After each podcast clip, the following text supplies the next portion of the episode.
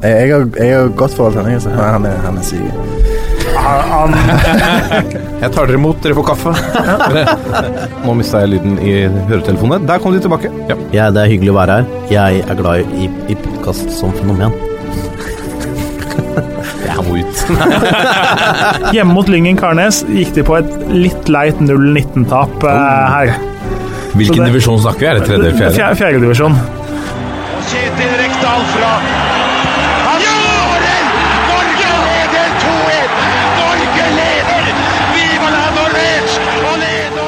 Og der er uh, toppfotball tilbake igjen. eh, en, en dag tidligere, fordi vi eh, selvfølgelig hegner om arbeidernes eh, dag. Kanskje sitter du akkurat på arbeidernes dag og hører på denne podkasten. Det er bra. Ikke gjør noe arbeid ved siden av. Ta det helt med ro. Len deg tilbake. eh, og nyt eh, en, eh, en liten time, kanskje mer, med prat eh, om norsk fotball. Lasse Wangstein, velkommen. Takk for det, Martin Roppestad. Alt bra med deg? Alt bra med meg, takk som eh, spør. Ja, er, Vi glemmer å spørre deg. Ja, Ja. eh, det står bra til. Ser helt ok ut. Jeg er litt sliten. eh, Jeg har fått i meg litt for lite næring i dag. Oi. Så eh, kanskje, kanskje jeg må åpne en liten turfiskboks i løpet av sendinga. Ja, Det blir spennende i det litt tette studioet her. Ja, det blir interessant. Er du, er du klar for, for cupen? Vi skal jo snakke litt om cupen i dag. Ja, det er jo alltid gøy med de første rundene i cupen. Mm. det er jo fotballfest i det ganske land, det. Um, og spesielt kanskje de lagene som får besøk av de ordentlige storlagene og litt sånn lokalt. Så det cup er eh, Altså, den norske cupen er jo litt rar, men den er jo mest gøy de to første rundene av cupfinalen, strengt tatt. Uh, Så kunne vi sikkert gjort noe for å gjøre den mer gøy hele veien og fått flere Askeladder lenger, men um, det kan vi sikkert snakke om litt eh, senere i dag. Klarer Vålerenga seg gjennom første runde, tror du? Jeg håper det. Det er jo et spørsmål om tid før den bomba detoneres. Den gjør det Det er veldig år. sjelden at du ser eliteserielag ryke i første runde. Ja. Uh, det- nå er jo ikke jeg noen sånn statistikkuro, men uh, det er veldig, veldig sjelden. Det er gjerne i andre runde de ordentlige bombene begynner å detoneres. Spennende. Vi skal se litt nærmere på det senere. Først en tur over bordet til uh, Akersgatas eh, prins. uh, vi er nødt til å bruke det, det uttrykket i dag med tanke på, på ukens gjest. Uh, Joakim Bårdsen, du har vært uh, to uker borte. Ja, liten ferie. Uh, du har vært i Uniten. Mm, det er korrekt. Eh, har, det vært, eh, har du fått sett noe idrett der borte? Ikke fått sett noe idrett. Jeg vurderte å dra på en hockeymatch, men uh, det ble ikke noe av det. Så det har rett og slett bare vært uh, rolige dager uh, ved bassenget og slappet av. Og så har jeg selvfølgelig sett Jeg har sett norsk idrett på TV, da. Og, og Premier League på TV. Så sto opp om morgenen og så, så fotball. Så det var egentlig helt perfekt. Nydelig. Og så eh, til eh, ukens eh, gjest. Eh, han er journalist, reporter eh, og kommentator i VGs eh, sportsredaksjon. Forfatter av bøker om eh, bl.a. Ståle Solbakken og Ole Einar Bjørndalen. Har bl.a. blitt tildelt årets pressepris av Supporterunionen for britisk fotball. Han jobba i Arbeiderbladet fra 85 til 91, men er nok mest kjent for 28 år i, i VG. Eh, Knut Espen Svegården eh, Svea, velkommen. Tusen takk for det. Det har blitt mange år, ja. Det har blitt mange år. Det har det. Det er ja. litt rart å tenke på at det har blitt såpass mange, faktisk. Men det har vært gøy, så da Det er vel antageligvis derfor. Da har du bare fortsatt. Ja, egentlig. Er du, eh, er du Vi snakka om det litt. Jeg, jeg, jeg har alltid Du er en, et av ansiktene som er VG for meg. Var du, eh, holder du, er, er du Det er feil å spørre om du er overrasket over at du er på 28. året, men uh, Jeg burde sikkert ha gjort noe annet. Det, det har jeg tenkt på stort sett hver høst. Siden jeg, I hvert fall de siste ti årene har jeg i hvert fall tenkt på det. Ja. Om jeg skal gjøre noe annet nå. Men det, jeg har det kjempefint. Jeg gjør veldig mye av det jeg har lyst til. Uh, og hvorfor skal man skifte jobb for å skifte jobb? Eh, man må jo finne noe som man føler at kan løfte det enda mer, da. Og i hvert fall hittil så har jeg ikke gjort det. Så Men nå, nå må det i hvert fall bli to år til. For det er ikke sånn at når du har vært 30 år i samme arbeidsgiver, så får du noen sånn hedersbevisning fra Slottet eller noe sånt? eh, fra Slottet Ja, ja, Da får jeg kanskje, kanskje hilse på Märtha. Det hadde vært hyggelig. ja, ikke sant? Jeg lurer på det, om det er noe greier der. Det er vel eneste hun jeg har lyst til å hilse på i den familien eh, Vi skal snakke litt om cupen din. Du har et, eh, et eh, spesielt forhold til cupen i Norge. Jeg har det spesielle forholdet til at jeg vokste opp med engelsk fotball og FA-cupen, og der er det da selvfølgelig Jeg har sagt dette mange ganger før, sikkert folk lei av høre, men jeg mener jo at det bør trekkes, eh, selv om Norge er et langt land og folk bor langt unna hverandre, så går det an å ta regionale trekninger de første to rundene. Fordi at jeg skjønner ikke hvem skal bestemme hvem som skal spille mot hvem. Jeg syns det blir helt feil. Eh, hvem skal plutselig stå der og juble, så er det en eller annen i NFF som skal bestemme det. Jeg syns den engelske varianten er veldig god. Det er første laget opp får hjemmekamp. Én en sesong så kan du få sju hjemmekamper etter hverandre, en kan du få sju bortekamper. Alle vet det. Det fungerer utmerket. Det er masse overraskelser. Var iallfall inntil det blei altfor stor forskjell på de aller beste og de andre. Uh, I Norge så blir det sånn der Nå blir de trukket mot dem. Altså Du begynner med linjal på kartet de har reist lengt og sånn. Det, det har ikke noe med cup. Det skal være forskjellig fra serie. Det skal være stikk motsatt. Det skal være tilfeldig. Og der syns jeg de burde ha gjort om det her for lenge siden. Og da er alltid motargumentet det er for lang avstand hvis Hammerfest får Sandnes, liksom. Ok, ta regionalt trekning, da. De to første rundene. Snakker mer om uh, cupen eh, etterpå. Vi, uh, vi har mye å gå gjennom i denne sendingen. Vi skal bli bedre kjent med, med deg, uh, Svea. Uh, Få høre litt om dine store øyeblikk fra et langt uh, fotballiv. Um, I Pulsen skal Altså, vi må en tur innom Trondheim. Snakke om det som skjer der, og det som ikke skjer, ikke minst. Um, så, som, som nevnt så skal vi innom uh, cupen i Pulsen, og så har vi fått inn mye gode lyttspørsmål. Uh, Så det er nok å ta tak i her. Uh, Men aller først så skal vi selvfølgelig uh, innom eh, den nye spalten, som fortsatt er litt ny. Nå har vi kjørt noen ganger. Og du er, eh, du er en ivrig bidragsyter til den spalten, Lasse. Ukens eh, tulipan eller eh, kaktus. Ja. Er du fornøyd med spaltens navn? Skulle ønske deg en annen blomst som, som liksom den gjeveste? Nei, Tulipan og kaktus, er ikke det greit, da? For tulipan er på en måte litt Ja, hverdagsblomst. er en fin hverdagsblomst. Ja. ja. Spretter opp om morgenen når fotballsesongen i Norge starter. Vi får dra fram rosa hvis det er noe virkelig stort, kanskje. ja, Men den er jo torner på den, da. ikke sant? Den er sånn, Ja, ikke sant. det er er sånn tvega sverd, den der rosa, vet du. Hvor, hvor skal vi nå? Skal vi begynne med Skal vi begynne med det bra eller det dårlige? eh, ta, det, ta det dårlig først. Ja, ok. Eh, ukens kaktus eh, er faktisk opptil flere som skal få. Ok. Og. Men det involverer eh, begge de to klubbene vi før sesongen trodde skulle kjempe om seriegullet. Altså Molde og Rosenborg. Jeg syns vi begynner med politiet i Molde, som eh, velger å nakenvisitere RBK-fansen eh, i sin jakt på bluss og andre ulovligheter. Eh, selvfølgelig litt humoristisk der at politisjefen i Molde da heter Per Karstein Røv. Når det meldes at de har spredd skinkene på RBK-supporterne. Uansett så syns jeg det er en litt utrivelig sak. Og det sies jo at uh, RBK-fansen kan finne på å politianmelde politiet. Um, og jeg syns ikke det skal være sånn at politiet skal se på bortesupportere som kriminelle. Selv om det blir satt opp noen klistremerker eller stickers da rundt i byen, som selvfølgelig hærverk skal vi ikke ha noe av. Uh, og i jakten på bluss, altså å begynne å se ned i trusa på folk og be de spre skinkene og sånn, da syns jeg det har gått langt i lille norske fotballen vi tross alt har. Men var dette kanskje ikke jakten på bluss, men jakten på stuss? Eh, fordi vi så jo at bart var forbudt. eh, Ja, det kan jo ha vært noen det. hadde trimmet en liten bart eh, nedentil, sånn at den ikke skulle synes. Da. Ja, det, det har jeg ikke tenkt på. Nei, Nei, det var, var du kreativ. ta det med deg. Ja, det tar du med meg. Andre kaktusen går til eh, våre venner i Rosenborg. eh, for det de holdt på med i går, det er jeg som mediemann veldig lite fan av. Og det er medieboikotten. Og som noen på huset til våre venner på andre siden av bordet her pleier å si, få det bort. Én ting er å ta mediefri en dag eller to i løpet av sesongen, og da ikke snakke med noen.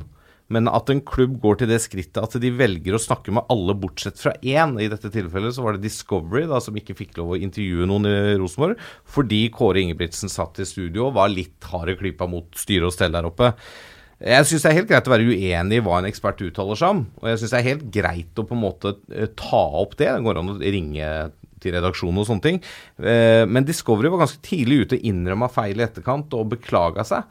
At de, eh, Rosenborg da likevel kommer med en medieboikott, det syns jeg er sånn ja, det, Jeg syns det blir for teit, rett og slett, å boikotte ett enkelt medium fordi at du er misfornøyd med hva som blir sagt om deg. Det vitner om noen som ikke er sånn kjempegode på å takle kritikk og motgang.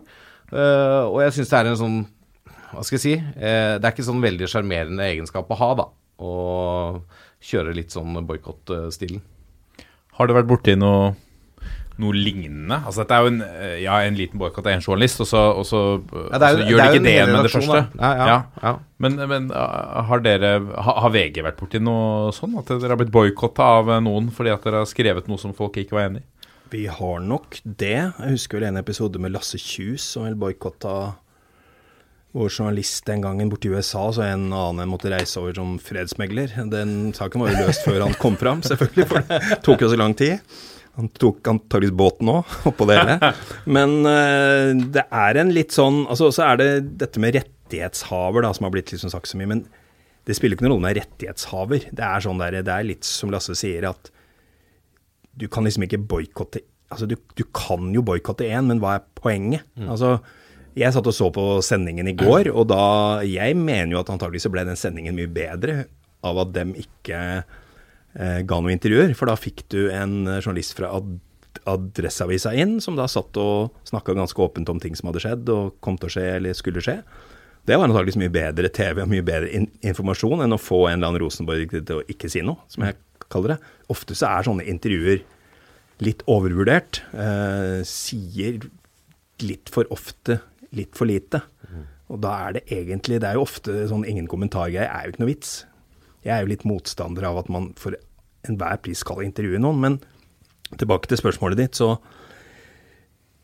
Noe av poenget her er jo også at de gikk ut, som Lasse sier, veldig tidlig og beklaga det. Så kan du mene hva du vil om at de lot det skje. Jeg har jo snakka med deg før. Jeg syns Kåre Ingebrigtsen skulle hatt i hvert fall ett års karantene så lenge han var i en, en rettslig krangel med sin eh, gamle arbeidsgiver for bare noen få måneder siden. Så skal han sitte der og si hva han vil om det. Jeg, jeg, altså, det er ikke ulovlig, men jeg syns det blir så, det så unødvendig. Er det så viktig å få inn han til å gjøre det, eller er han ansatt som en faglig kompetent ekspert?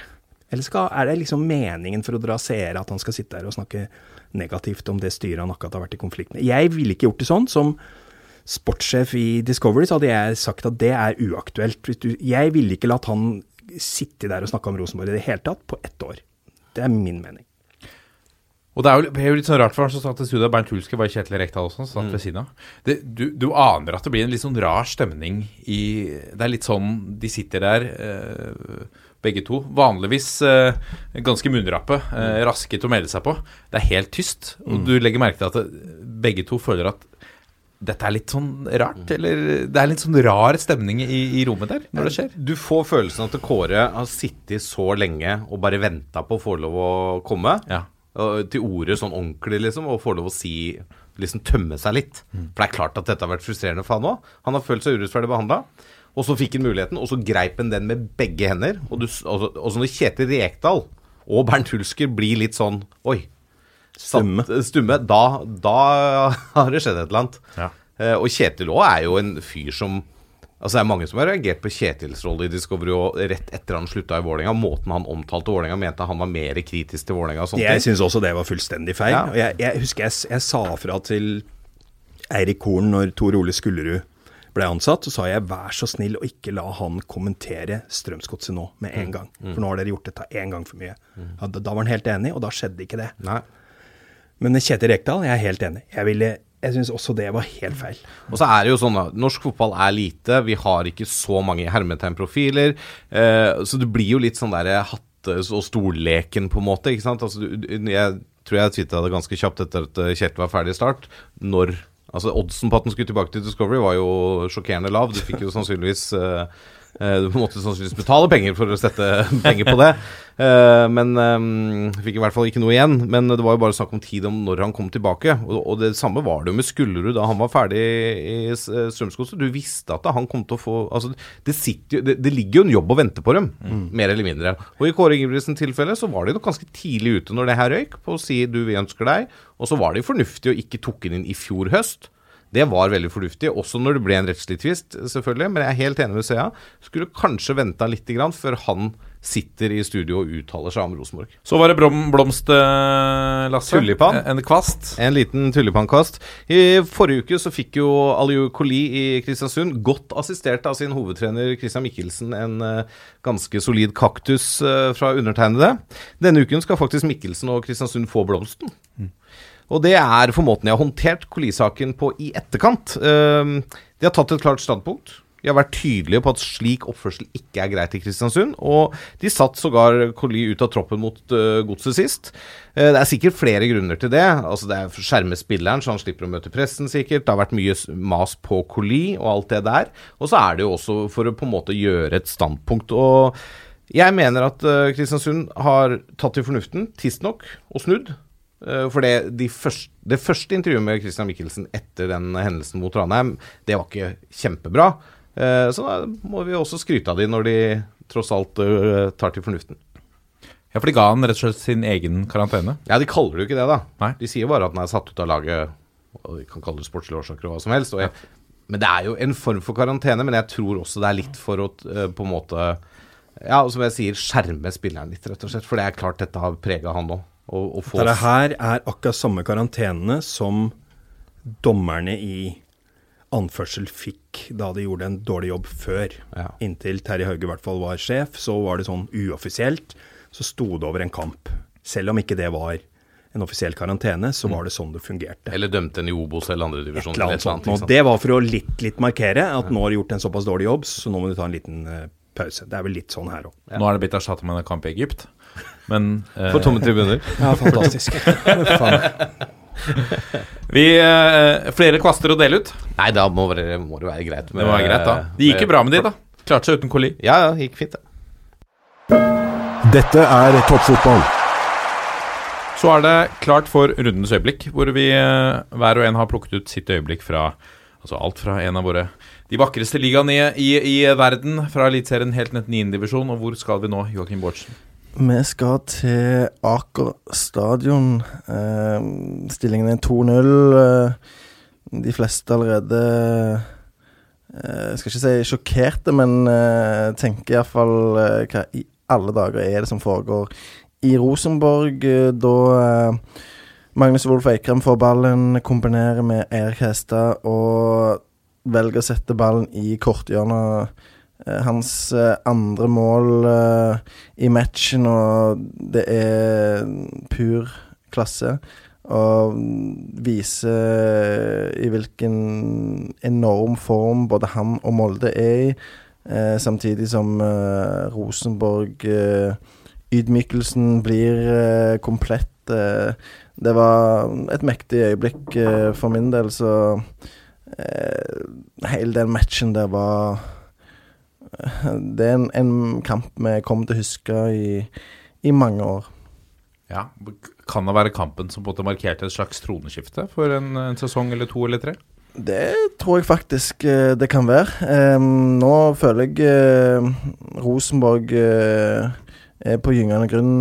Det er vanskelig å si eh, hvordan de vil gjøre det i tida som kommer. Det er jo For det er mye der nå som, som er usikkert. De har en eh, voksen spillertropp med, med mm, folk som har vært med på å vinne veldig mye. De er mette. Eh, gjerne en del som eh, eh, vurderer å skifte klubb. Eh, eh, ting fungerer ikke. De har, eh, de har ikke den kontinuiteten på trenersida som eh, hadde vært en stor, stor fordel nå eh, i den situasjonen. Så eh, Rosenborg kommer til å være en toppklubb selvfølgelig i år som kommer, men uh, eh, det kan godt være at de vil bruke litt tid nå på å eh, uh, komme opp på det nivået som de ønsker å være på. Vi går videre til deg, Svea. Hva, hvor skal vi? Nei, altså jeg hadde egentlig tenkt å dra på stadion til Vålerenga i går, som jeg da ikke klarer å si navnet på, så av prinsipp. Eh, det gjør jeg heller ikke med de engelske som har eh, sponsornavn. Vålerenga stadion kan vi kalle den. Ja, det er kjempefint. Nav Arena er Dit hadde jeg da tenkt å dra, men pga. alt mulig annet jeg skulle gjøre, så måtte jeg nødt for å ta til takke med TV. Det er jeg egentlig litt lei meg for, for jeg liker egentlig å være til stede. Da sitter jeg og ser på en fotballkamp som jeg, jeg sitter og venter på. Det må da komme en scoring, det må da skje et eller annet. Det må da skje noe her. Men det skjer nesten ingenting. Det er to lag som tar ut hverandre, som kjenner hverandre. To trenere som har vært sammen før, som eh, både hjelpetrener og hovedtrener for St- Strømsgodset. De kjenner hverandre godt. De tar ut hverandre. Og så setter eh, Ronny Deila inn Aron Dønnum, 21 år. Litt sånn uslepen. Får liksom ikke fått det der store gjennombruddet, men det er noe på gang der. Og så kommer en ball, og så plutselig så går den gjennom alle. Så skyter han mellom beina og via en, og ballen liksom køler sånn rart inn, inn i mål. Og da er det igjen fem sekunder, tror jeg, av kampen. Og det er den, mest, det er den sykeste opplevelsen du kan ha begge veier. Det er jo verdens verste ting for Dag, eller eh, Eile Fagermo, og det er verdens beste ting for Ronny Deila. Og den skåringen betyr enormt mye for Vålerenga som, som lag, som eh, holder på å prøve å bygge opp noe og, og tar steget opp på delt andreplass. Og, og Dønnem, som var på lån i HamKam forrige sesong, eh, 21 år, som Svea sier. Eh, det er jo sånne øyeblikk som kan være med på å definere hans eh, Vålerenga-karriere. Jeg satt jo der i går vet du, og tenkte at det nå, altså Med seier så ville jo Vålerenga på en måte kobla seg litt på toppstriden med ti poeng. ikke sant, Da er du opp, oppi der. Eh, og da er det veldig typisk at Vålerenga går på en smell, og ikke klarer det når du har muligheten. Så jeg satt liksom og venta på den der Børven-skåringa, og det er jo litt den der eh, måten jeg passer på meg selv og holdt jeg på å si, for å ikke bli så skuffa når det skjer. Eh, men det var, det var som de sa på TV-en i går, det, det var litt den følelsen av den LSK-kampen. Selv om ikke den kampen er like viktig som for supportere og spillere, men det er det å score så seint og avgjøre, som du sier, Svea. Uh, altså jeg hadde akkurat lagt unger, så jeg sto i stua og jeg har aldri jubla så høyt så stille noen gang. Men jeg jubla på meg vondt i hodet. Uten noe ytre lyd. Det var helt spesielt. Men, men meg og deg var på en tidlig tid Beklager, Svea. Men i, i går, og ehm, det var jo en herlig stemning. Dønnum som kaster drakten og flekser muskler og Og fikk selvfølgelig gult kort. Ja, så han fikk gult kort. Og, Jesus Christ, så dumt. ja, og, og Larsen Kvasei som kommer springende fra, fra motsatt eh, Hele benken. ja, eh, Assistenttrener ja. Håkon Lunov eh, løp Ja, nesten på sant. seg sk- strekk der. Ja, alle gikk bananer, så det er sånn så er herlig å se. Men hvorfor er det ikke mer folk på Intility? Nå var det sånn veldig 6700 få. 6700 Ja. mennesker. Du skulle i hvert fall tro at de lå på rundt 10 000. Sant? Ja, altså det, Nå skal ikke jeg komme med noen unnskyldninger, men eh, Odd Grenland eh, er jo i Oslo et litt grått og trist lag, eh, og det er en mandagskamp. Så det, Men det er en toppmatch. Ja, det er en toppmatch. Jeg er helt enig. Jeg syns det er altfor lite mennesker der. Det var vel 5800 mot Tromsø i, på Palmesøndag. Eh, eller hva det var. Ja. Ikke bra, det heller. Eh, men jeg håper Nå har jo da Vålerenga tre hjemmeseiere på rad. Men ikke sant, så er det det at det, korttidshukommelsen til fotballsupportere Den er jo ikke veldig lang. Eh, eller hukommelsen i det hele tatt. Så spiller du da gjerne hjemme borte, da, så taper du en bortekamp, og så skal du spille hjemme neste der. Noe som ikke gidder å dra, men det de er så dårlige, de tapte sist. Ikke sant? Så men klarer du nå da slå Viking borte neste gang, da? eh, så lurer jeg faktisk på de må ha to bortekamper på rad nå. Men i hvert fall hvis de klarer å ta med seg en seier fra den siste bortekampen før neste hjemmekamp, så kan det hende at det skjer noe. ikke sant? Så, Men det, ja, men det, for det er synd, fordi jeg syns klanen er blant de beste sporterne i landet. Eh, alltid masse liv fra klanen gjennom hele matchen. Eh, det er ikke på Det er ikke tilfelle på alle arenaer at det er sånn, men eh, de får jo lite drahjelp da fra, fra resten av publikum, og det er Oslo det er snakk om. Jeg husker Det er ikke så mange år siden jeg var på Ullevål når jeg spilte der, at eh, Eh, Jeg husker et par matcher mot Rosenborg spesielt, der det var over 20 000. Og, og det hadde jo vært mer enn nok til å selge Men jeg- ut uh, Intility. Jeg tror de har, de har litt å ta igjen. Skjønner. Folk har liksom De har ikke gitt opp, men de er litt avventende, for det har vært for mange middels sesonger. Og så blir det jo litt sånn skal, jeg, skal jeg gå i dag? Nei. Tar den, og, så, og så går kampen på TV, Ja. og så tar du den, den avgjørelsen. Det kommer til å komme 10 12 14 000 hvis de ligger oppi der uh, og viser at de spiller den fotballen som Ronny Dela vil, og som delvis ser. De, de har jo en del eh, typer. Han der, han der Ejuke, eller hvordan du uttaler det, han er jo en Altså Han er jo nesten verdt å gå og se aleine. Ja, når han er i draget, så er han jo fantastisk å se på. Nå var det ikke han som lykkes med aller mest i går, det var faktisk eh, Ivan Nesberg som var eh, man of the match. Eh, gjorde vel ikke en feil, som jeg så. Tok ut eh, høyrekanten til, til Odd gang etter gang og hadde et godt skudd. Så, mm, Men det er klart at du får sånne spillere, da. Altså Nå hadde Kugbe er ute med skade, og så tenker du å nå mister Vålerenga starting i venstrebekken sin.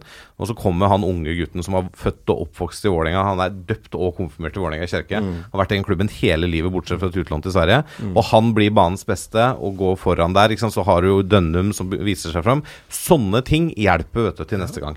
Da kommer det kanskje 500 til. Så det er det å, å skape en rekke av resultater, spille litt morsom fotball. Da kommer publikum tilbake. Jeg er helt overbevist om. Men jeg synes det, vi, vi, skal, vi må la Vålerenga Vålerenga ligger litt, men jeg skal slenge på en ting til. Det, det, det slår meg litt når jeg snakker med Vålerenga-supportere, så er det nesten litt sånn eh, De som ikke går på kamp, det er nesten litt sånn at de har blitt uh, dumpa på en litt sånn eh, sårbar måte. Og det, er, liksom- det tar litt tid før Ja, ja, men jeg vet at hvis jeg går nå igjen, så blir jeg sikkert skuffa, og jeg tror, er, jeg tror det er tryggere å se en hjemme på TV-en til jeg ser at at jeg kan komme tilbake og bli underholdt. Fordi jeg er redde for å, å, å komme dit og få en dårlig følelse. Sånn så tror jeg. Og det er litt sånn Kall det bortskjemthet, eller kall det Jeg vet ikke, kanskje de har Ja, et men jeg, jeg tror det handler også litt om Det er vel ikke så veldig mye å eh, være bortskjemt for. Nei, ikke veldig mye å være bortskjemt for. Men, vunnet et men, seriegull siden 84. Det Nei, er ikke sant. Det, det jeg har savna i mange år, og jeg sier ikke at spillerne ikke yter maks, men det, opplevelsen av at det ikke, ytes maks. Altså Jeg kan tåle ganske mange tap, jeg, altså. Hvis jeg ser spillere på banen som klinker til i dueller, og står opp for hverandre og blør litt og løper til liksom krampa tar dem, da, da kan jeg akseptere ganske mange dårlige resultater. Men når du får opplevelsen at man taper kamper sånn som hjemme mot Kristiansund i fjor, fordi det virker som de ikke er på stasjonen, at de ikke tar kampen seriøst nok, da gidder ikke folk å gå og se på dem heller. Så det er sånne ting må på plass. Det må ligge i bunn hele tida. Og da vil også resultatene komme, og da kommer også publikum, tror jeg, da. Ja. Vi skal gå videre til ditt eh, øyeblikk, eh, Lasse Vågstein. Ja, eh, da skal vi til et lag som jeg har litt ambivalent forhold til. Vi skal til Ranheim. Forsa Ranheim. Forsa Ranheim, som har fått en litt trå start på årets sesong. Med tre tap på rad, og så kjempa de seg til en uavgjort i Kristiansund. Og så løsna det ordentlig hjemme mot Viking nå. Fem skudd på mål ble til fem mål. Så det er jo effektivt og fint. Men det er jo selvfølgelig Michael Carlsen, som aldri skulle vært på banen, eh, som så for rundens øyeblikk, da han eh, får en eh, lang ball, header ned foran seg og ser at Iven Austbø er veldig langt ute, og skyter markkryper fra 40 meter i mål. Altså det er, Det er ikke så ofte det skjer. det er på nivå med Jone Samuelsens heading fra midtbanen. Ja. Eh, for det er, altså det er en markgruppe, og du ser Even Austbø kommer, kommer i feil vinkel og prøver å kaste seg rundt. Ja, men han, han altså, som keeper, så hvis, hvis, hvis du blir tatt på bakbena der, så må du komme en høy ball. Ja. Det er det som ligger oppi hodet ditt. Ikke sant? Ikke sant? Så du er ikke forberedt, så du, du, du aner ikke hva du skal gjøre. Nei. Derfor så ser det ekstra dumt ut. Ja, og skal beine tilbake der og kaster seg Så det er jo en veldig, veldig spesiell scoring. En, det er en underholdende scoring, og fotball er underholdning, så det er jo et øyeblikk å ta med seg. Er det vann på mølla til de som har eh, kritisert keepersituasjonen i uh, Viking, eh, Joakim? Ja, det er det jo. Eh, og så tar ikke Iven Austbø så mye selvkritikk eh, for sine egne prestasjoner, men eh, det er klart at det, det er akkurat sånne ting. Men ikke dette er det verste eksempelet. Det, det er mange keepere som, som eh, kunne sluppet inn det målet der. Det er jo en veldig spesielt eh, øyeblikk. Men eh, det er klart at eh, han må jo luke ut disse tabbene fra spillet sitt, for det er det som har vært akilleshælen hans gjennom en lang karriere nå. Så Har han vært litt dårlig på å ta selvkritikk tidligere òg, er han ikke det? Ja, det vil jeg nok det, eh, Det er en del keepere som ikke er så god på det, det. veldig fort. Nei, det er sant, det. det er god tradisjon for det i dette landet. Ja, det er sant, det. Men for han så handler det jo bare om å holde hodet kaldt. Sant? Det kan koke litt for mye, og da skjer disse tabbene. Sant? Han ruser ut i feltet, eller eh, eh, hva det skulle være. Sant? Han må bare holde hodet kaldt og tenk, prøve å tenke hva er den beste avgjørelsen i denne situasjonen. Sant? Så det er vel det som Han er jo en fantastisk skuddstopper. Gjerne en av de aller beste i Eliteserien. Han kan ta de utroligste avslutninger. Eh, helt vill eh, til tider. Men det er disse enkle tabbene da, som, som han må få vekk. Ja. Før vi lukker spalten, skal vi ta en tur til Grei-banen. Og Grei som tok imot Ørn Horten i, eh, i, eh, i helga. eh, hvor Ørn dominerte store deler av kampen. Og Ørn Horten har fått tilbake eh, Benjamin Zalo, som ble solgt til IFK Göteborg for noen år eh, tilbake. Uh, imponerte og spilte seg til fast plass som midtstopper som 15-åring i Ørn Horten før han ble sendt eh, over, eh, over grensa. Der gikk det ikke så bra. Mye skader, eh, manglende tillit. Ble nå henta tilbake, kommet tilbake til Horten. Hjembyen for å bygge opp eh, karrieren sin igjen. Starta på benken, kom inn, heada inn seiersmålet to minutter før slutt. Det er sterkt. Sterkt. Stor, sterk. Altså det er en stopper for framtida. En av de som vi eh, En type som vi skriker etter. Hvor gammel er han? Ja. Ja, nå er han 20, tenker jeg. En, ja, 20. 21 og 20-21. Se på Alexander Stølås. Han slo vel gjennom som 25, eller ble eliteseriespiller som 25-åring. Ja. Det er muligheter. Absolutt. Mm. så en, en, eh, en, eh, en blomsterkvast til Benjamin Zalo. Dette er toppfotball. Og så, Svea, så må vi bli eh, litt eh, bedre kjent med deg, syns jeg. Um, du begynte i Arbeiderbladet. Det er eh, Jeg, det gjorde jeg nok ikke. Nei. Jeg, kommer fra Lillehammer, så det var litt, litt sånn der i lang arbeidsvei for en, en liten gutt. Eh, Men Så jeg begynte i en lokalavis som het Har det veldig korte og fine navnet Gud, Gudbrandsdølen skråstrek Lillehammer tilskuer. ja. Det var såpass langt at folk ikke klarte å si det uten å ta et par pauser, så det ble til GLT, da. ja. GLT. Der var det jeg starta. Uh, starta egentlig med at jeg skrev om mine egne kamper. Uh, jeg leverte noen små kampreferater til.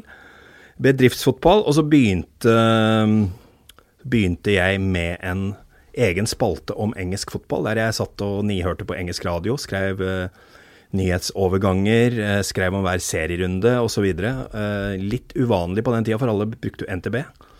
Men jeg kom med en del mer opplysninger fordi jeg hadde engelsk Altså, jeg hadde Stort sett, så fikk jeg en, eh, denne engelske kanalen. Så sånn var det egentlig det starta.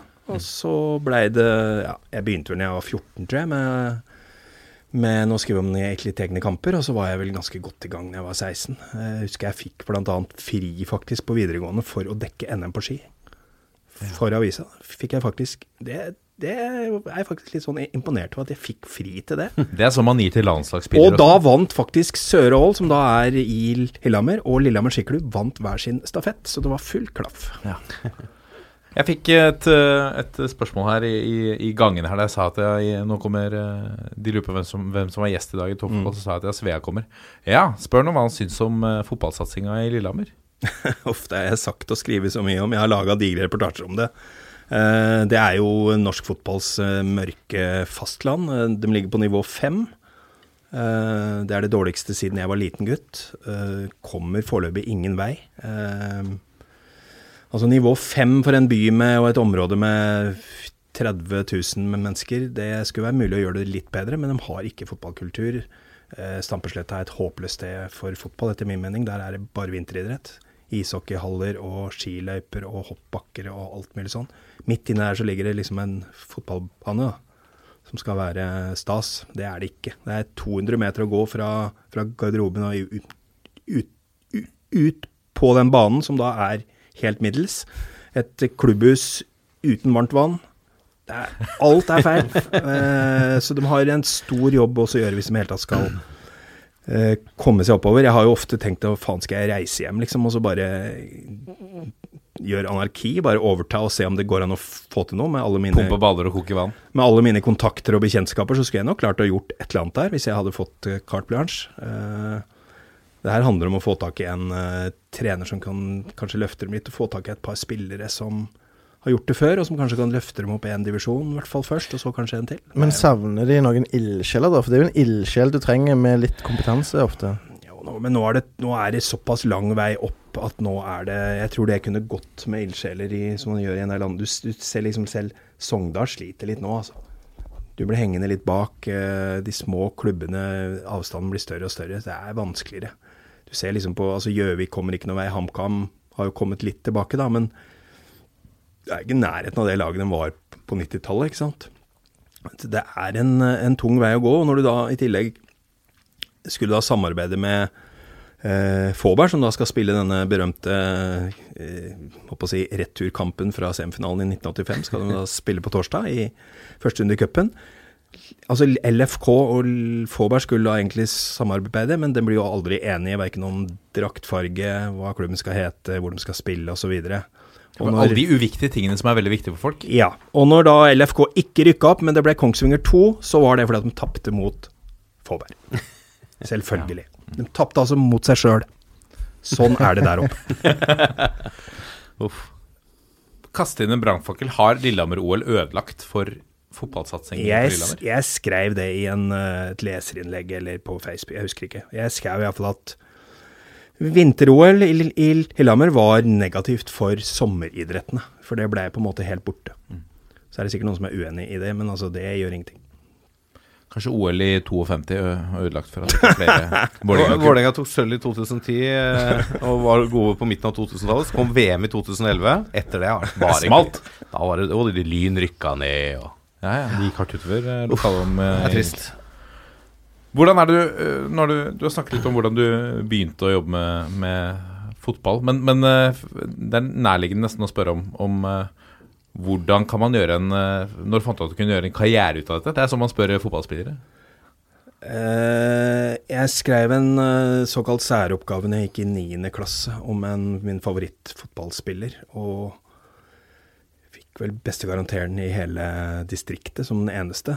Og da tenkte jeg at jeg kan iallfall skrive litt, og det fikk jeg jo på de norske. Det, det der handler om å, det er kombinasjonen mellom å skjønne hva som er en nyhet, kunne skrive forståelig norsk, så folk skjønner hva du faktisk mener, og interesse for sport.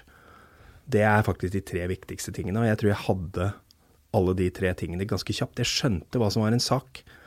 For jeg, jeg var innom der, så foreslo jeg masse ting vi kunne skrive om og sånn, og det var jo ingen der som hadde tenkt på. Det er jo fortsatt de, de der som, som jobber der nå.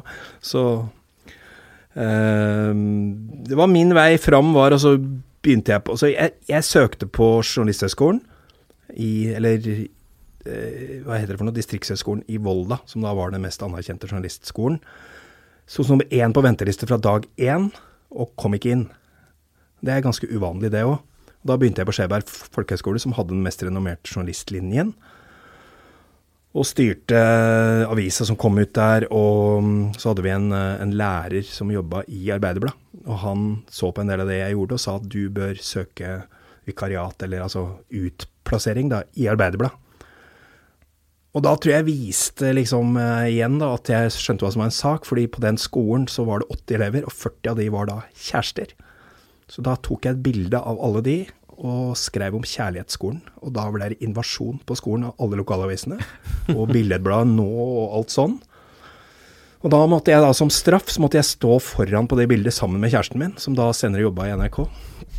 Um, sånn var det det egentlig liksom starta, dette med å vise at man hadde teft for hva som var en sak, da. Og da fikk jeg utplassering der, og så fikk jeg sommerjobb sommeren 84. Og så ble det ledig jobb der sommeren 85, og da fikk jeg et tilbud om jeg ville ha den jobben. Mm.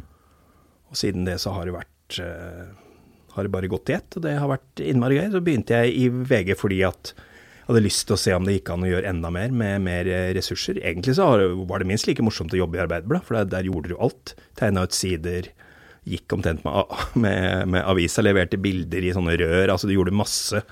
Hele, hele opplegget. Så det, det var en kjempefin læring. Jeg tror dagens journalister kan gå kanskje litt for raskt fram. Eh, hvis du begynner i VG som 20-åring og får alt i henda, så tror jeg det kan bli litt vanskelig etter hvert. Det er min oppfatning av det. Jeg er veldig glad for at jeg var 28 år når jeg starta der, og hadde den veien med lokalavis, en ganske stor avis imellom i fem og et halvt år, og så da begynne i VG, for da hadde jeg den erfaringen som jeg følte at jeg trengte.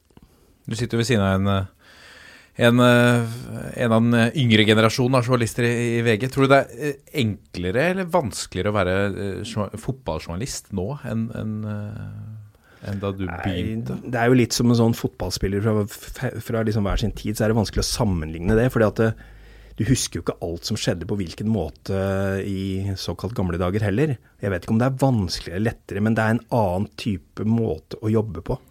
Uh, sitter for mye inne på kontor, f.eks. Og ringer og tar og skriver om det som andre allerede har skrevet om. Ser på Twitter og finner en eller annen tweet fra en uh, litt mer kjent person, og så lager du en sak ut fra det og begynner å ringe folk. Jeg ville jeg syns vi er for lite ute om møter folk. Jeg tror det er en forskjell fra sånn det var før. Jeg tror det er Hva skal jeg si Det er flere fallgruver nå, gjerne. Eh, som du kan gå i som hindrer deg fra å gjøre det som jeg gjerne tenker på som den eh, ekte type journalistikken. Men eh, jeg tenkte akkurat på det. Du sa du var 28 da du begynte i VG. Jeg var vel 27, gjerne. Men eh,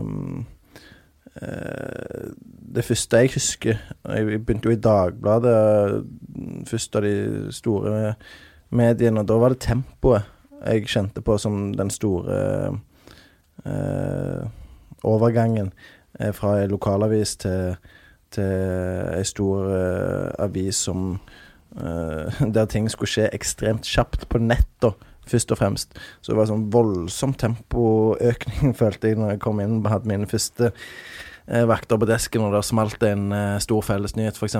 Da Jeg husker jeg eh, tror første vakten jeg hadde eh, i Dagbladet, så kom jeg på jobb gjerne halv ni, og eh, ble sittende til åtte om kvelden, og jeg tror ikke jeg hadde spist. Jeg tror ikke jeg hadde knapt flytta meg fra plassen, fordi at eh, det var så overveldende. Jeg måtte bare jobbe for å få ting unna. Så, eh, men selvfølgelig så får du jo det Som, som en fotballspiller så får du jo den, eh, det tempoet inn i kroppen etter hvert. Eh, men eh, eh, det er jo Den største overgangen for deg må vel ha vært da internett eh, som som enkelte trodde var et blaff. eh, Altså, det, var, det, var, det er jo denne Jeg kan jo fortelle kort denne historien da om uh, i ganske tidlig i internetts uh, alder, eller tid. Uh, så var det en som hadde en eller annen sak oppe på skjermen, og så var det en vaktsjef som drev og gikk frem og tilbake, da. Mye. Han kikka på den sida, og så gikk han frem og tilbake noen ganger til. Og så plutselig så bare hører vi 'Kan noen skru av internett?!' da var han så lei av å se på den sida, for han skjønte ikke hva den skulle gjøre der. Altså, det, har, det, har, det, er jo, det er jo som Joakim sier, det er, det er klart den største overgangen er der. Men jeg har jobba stort sett på samme måten uansett, jeg. fordi jeg la meg egentlig ikke stresse så veldig mye av ting. Og jeg høres kanskje litt sånn ut som jeg sier veldig mye pent om meg sjøl, men jeg, jeg jobber Altså, jeg skriver nok fortere enn de aller fleste andre. Eh, Jeg lager ferdige saker oppi hodet mitt. Jeg sitter ikke der og flytter på ting og tenker og sånn. Jeg skriver sånn når jeg først begynner. Og det har jo irritert en del på sånne, vi har vært på sånne seine landskamper og sånn, og så kan jeg gå ut og ta meg en røyk når jeg har 20 minutter igjen, så sitter de og sliter, ikke sant. Så bare inn igjen, og bare det, det er sikkert ikke noe egentlig fordel å ha det sånn, men eh, sånn er det nå. Det er bare blitt en sånn eh, Ja, jeg liker å skrive eh, raskt. Og da, da spiller det ikke så stor rolle om det er på nett eller hva det er for noe. Altså, problemet på nett er all den idiotiske ut, utstyringen som jeg er uenig i at vi som skriver sakene skal gjøre. Jeg jeg, der er jeg litt gammeldags. Det syns jeg egentlig at vi skal ha spesialister til. For det, Lenker og videoer og Ofte så Ja, men det ser jo ikke ut på nettet. Altså, det er jo bare et sammensurium av ting. Ting farer forbi. ja, sånn. Det, er- det er jo en Fortsatt så er det jo en nytelse noen ganger å bare ta i en avis, for der, der ser du at ting er der, Ting stemmer jo. Tittel, bilde, ingress, sak. Det, det stemmer. Men jeg har jo vært vant til å jobbe sånn i mange år med å skrive opp mot midtsider med, sammen med Bjørn Delebekk, der vi har tenkt bilde og sak, ikke sant. Det har vært så gøy. Og Det skjønner jeg godt. Men du òg, som sier du liker å skrive fort, du òg må jo synes det er deilig når du får en god nyhet, og så kan du bare få det ut med en gang. ja, ja. Ja, ja, ja men jeg, jeg, jeg er ikke noe Jeg, altså in, Internett kommer ikke til å forsvinne. Så det er, en del ting må du akseptere. Så kan du diskutere hvordan vi skal jobbe med journalistikken. Det er noe helt annet. Men husker du fra mm, tidlig i karrieren der du gjerne satt på en stor nyhet, og så var det en hel dag til neste avis kom ut? Hvordan Men det, men det var Jo, men altså, det var sånn det var da. Mm. Uh, Men det må jo være nervepirrende. Og, og, Jeg hadde jo et mye nærmere forhold til nyhetene mine når det sto i avisa først. Eh, Jeg mista det litt, jeg, når jeg når det med en gang ut på nett, og folk snakka på 'jeg har lest det der eller der'. For alle, alle som jeg kaller det, stjeler jo, ikke sant. Jeg mener jo at det stjeles for mye, og for store deler av ting. Jeg syns det skulle vært en begrensning på hvor mye du kan ta fra andre, uten at du eh, egentlig må la være. Eh, så det er jo den, liksom den største forskjellen, egentlig. For meg er den, den eierskapet til nyhetene som jeg hadde voldsomt av før. Jeg hadde utrolig mange flere fotballnyheter før enn jeg har hatt nå. Og det tror jeg skyldes litt det der. Syns ikke det er like stas lenger, fordi det er ingen som vet hvor det kommer fra uansett. Og så er det vel en det er vel et litt annet bilde også på altså redaksjonen til VG, da. Hvordan den så ut for eh, 20 år siden kontra i dag.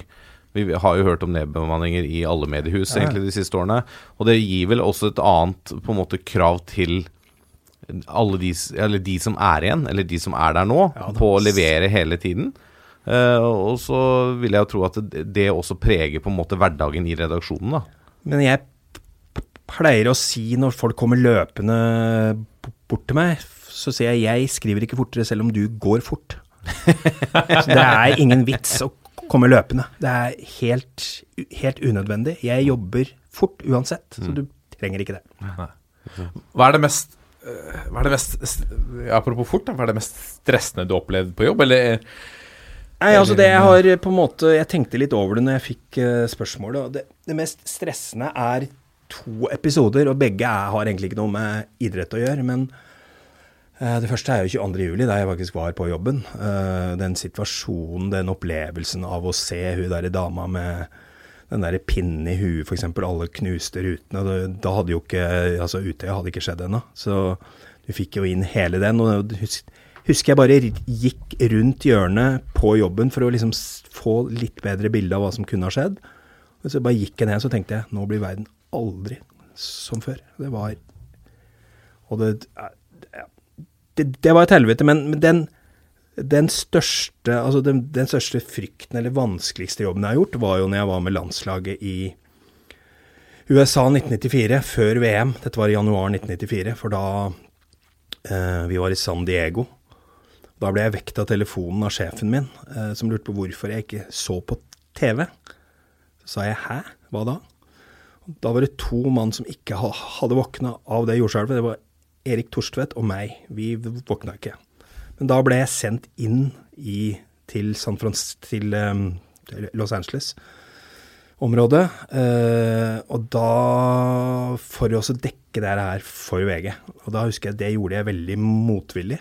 Eh, kjørte sammen med en fotograf, og så stoppa vi et sted for å sjekke et kart. Så plutselig begynner bilen å riste, og så faller det ned et hus eh, sju meter unna meg. Og da husker jeg ropte 'hjelp, hva gjør jeg nå?' Husker jeg ringte hjem til han eh, utenrikssjefen vår og sa at det her, det her, eh, altså, her vil jeg ikke være. Her liksom reiser alle ut, og jeg reiser inn. Og så endte vi da, vi fikk gjort et par reportasjer, jeg ble overtalt. Vi fikk gjort et par reportasjer, så endte vi på et hotell. Akkurat da jeg hadde sendt saken min, så, så, så gikk eh, strømmen på det hotellet, og da, da trodde jo vi at det var et nytt skjelv, ikke sant. Så vi løp som et helvete ned fra det hotellet, og da og da sa jeg at nå vil jeg ikke mer, så jeg kom meg ut på flyplassen etter hvert. Og da kommer han fotografen ut med en T-skjorte som det står 'I survived the biggest earthquake', og så ga han den til meg. og da hadde han hørt om en gal mann med håret rett opp som hadde stått i kø der og skulle ha flybillett hjem. Dro du hjem til Norge da, eller? Da dro jeg eh, tilbake til San Diego, der eh, Bodø-Glimts Tom Kåre Staurvik hadde fotografert litt for oss mens vi var borte. Ja, så greit, da. Så det var eh, Altså, du fikk ikke noe fotballjævelskap der, men det er liksom de to episodene som sitter hardest i sånn generelt sett. hva er din beste fotballopplevelse? da?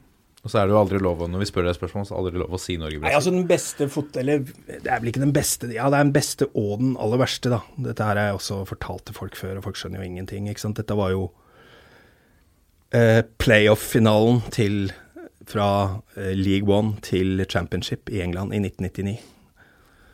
Da dette Manchester City, som jeg hadde holdt med siden jeg var liten gutt, hadde røra det til noe så fryktelig, sparka seg sjøl i ræva og beina og slått beina under seg sjøl så mange ganger at de selv der lå under 2-0. Da hadde bare spilt 89-45. Så legger dommeren til fem minutter, og så klarer de å skåre to mål. Eh, jeg sitter der og ser på den kampen, helt stille og rolig, reagerer ikke i det hele tatt. Og Så blir det da straffekonk. og Da redder keeperen til City tre mål og løper ut på verste æresrunde jeg har sett ever. Altså, de fikk jo ikke tak i den. Gikk jo fem minutter før noen fikk tak i den. Han løp rundt som en gal mann. Det som da skjedde, er at du skal da bli egentlig da lykkelig og strekke armene i været og sånn, men jeg klikka fullstendig og ble et sinna. Jeg ble så sint. Jeg slo hånda i et bord. Jeg forstua hånda mi. Jeg ropte ut og kasta møbler i, i redaksjonen. Og folk skjønte jo ingenting. Hva faen er det for noe nå? De var jo vunnet. Men da kom det ut altså 30 år med frustrasjon. Eller i hvert fall 20. 25. For dette der et taperlaget som jeg kalte dem, som da endelig klarte å vinne en kamp som betydde noe. For første gang på hvert fall siden 1976, liksom. Og det var en merkelig opplevelse som har sittet fast siden. Og det er liksom ingenting som kommer opp mot det. Fordi City spilte for livet. For det hadde de ikke rykka opp der, så trodde de hadde gått konk. Hadde sikkert kommet tilbake på et vis, men uh, Mange mener jo at den seieren er den som har betydd mest for det der de er nå i dag, selv om det er en helt, helt annen skål, og som jeg helst ikke prater om, for da blir det jo et helvete igjen. For det, du, du har jo gått fra å være et, en uh, supporter av et lag som alle syns var litt uh, søte og gode og ufarlige og ja, så hyggelig å tåle med dem, da, fine drakter osv. Og, så og så nå har det blitt sånn hvis du bare nevner det, så får du omtrent, bli omtrent skjelt ut. Så den debatten orker jeg stort sett ikke å ta lenger, fordi det blir bare et helvete av det uansett. Ja. Denne, vi snakker jo sjelden om utenlandsk idrett i denne podkasten. men, men når jeg først har det her, det er, det er ikke så ofte man møter på en, en City-supporter som har eh, Som har vært det før eh, milliardene kom. Hvor, Det er jo det det stort sett er. Det har ikke kommet til så veldig mange etter det. jeg møter ikke så mange av de, eh, de som Nei, var der altså, før milliardene altså kom. Alle de som jeg, jeg reiste over med på begynnelsen og midten og siste del av av 90-tallet, de er jo der ennå. Ja. De har jo vært nede på nivå 3 og nivå 2. City rykka ned i 83, 96, 98, 2001. Altså Men på vegne av dem, hva, hva, hva tenker dere? Eh, altså den, eh, den gjengen som, som fulgte med på, på det gamle City. Hva tenker dere om, om City etter Nei, det er alle jo milliardene? nettopp det jeg sier, at hvis, hvis, hvis du begynner å gå inn i det der, så kryper folka ut og skal hakke på deg hvis du sier et ord positivt om det. Så det, det er en fryktelig vanskelig diskusjon. Nei, det, det skjønner jeg, men altså Jeg tenker sånn fotballen har utviklet seg de siste 10-15 åra, da. Når du ser på omsetning, du ser på lønninger, ser på hvor Altså hvordan disse profilene er. Altså, jeg, jeg skjønner ikke at folk skal la seg irritere over at noen ja, ok, så har de millionene kommet fra der de har kommet fra, da, eller milliardene, da, selvfølgelig, i, det, de, i, i Premier League-tilfellene. Men altså, jeg tenker, har du fulgt en klubb siden jeg var, så du, 76, eller hva det var? Nei, Jeg har fulgt dem siden eh, 1969. Jeg var seks år. Ja, 1969, ja. Og vært med på så mye nedturer, og så får du oppleve den Hva skal jeg si Tronferden de er på nå. Jeg må jo unne folk det. Og selvfølgelig for mitt vedkommende så håper jeg at noen andre vinner i år, men eh, det skjer jo ikke. Men, eh, men altså, jeg, jeg bare Ja, ok, du kan godt være uenig i mye mye av hvordan spillet er i fotballen, men det er nå en gang sånn den internasjonale store fotballen har blitt, da, tenker Ja. jeg. Jeg var mer litt også eh, jeg, Jo, nei, men- nei, men jeg altså, jeg kan- jeg kan- jeg er litt jeg mer kan sånn forsøke Føler du at det fortsatt er ditt lag, på en måte? På samme måte? Nei, selvfølgelig ikke på samme måten. Altså, mitt lag, det har jeg alltid sagt, det var Ja, det er det jeg har her. Jeg har et bilde på telefonen min. Det er mitt lag. Det er City sin eh, spillerstall sommeren 1977. 1977. Ja. Det er, eh, det er da jeg var den som var helt fullstendig oppslukt i det laget. Nå er det mer sånn Jeg har jo skrevet statistikker, eh, målskårere, lagoppstillinger, overganger eh, siden jeg var åtte-ni år. Og gjør det da fortsatt. Så jeg har en del sesonger. Og det syns jeg faktisk er innmari gøy, for da kan du sammenligne. Så jeg er mer en sånn skrivebordssupporter som som tar noen historiske dykk og gjør litt sånn forskjellig. Eh, Det syns jeg fortsatt er innmari gøy, men det er klart det er ikke det samme. Er du gal? Det, det betyr ikke like mye som det gjorde. Men den fotballen de har spilt og sånn, er ganske gøy, da. Dagens understatement.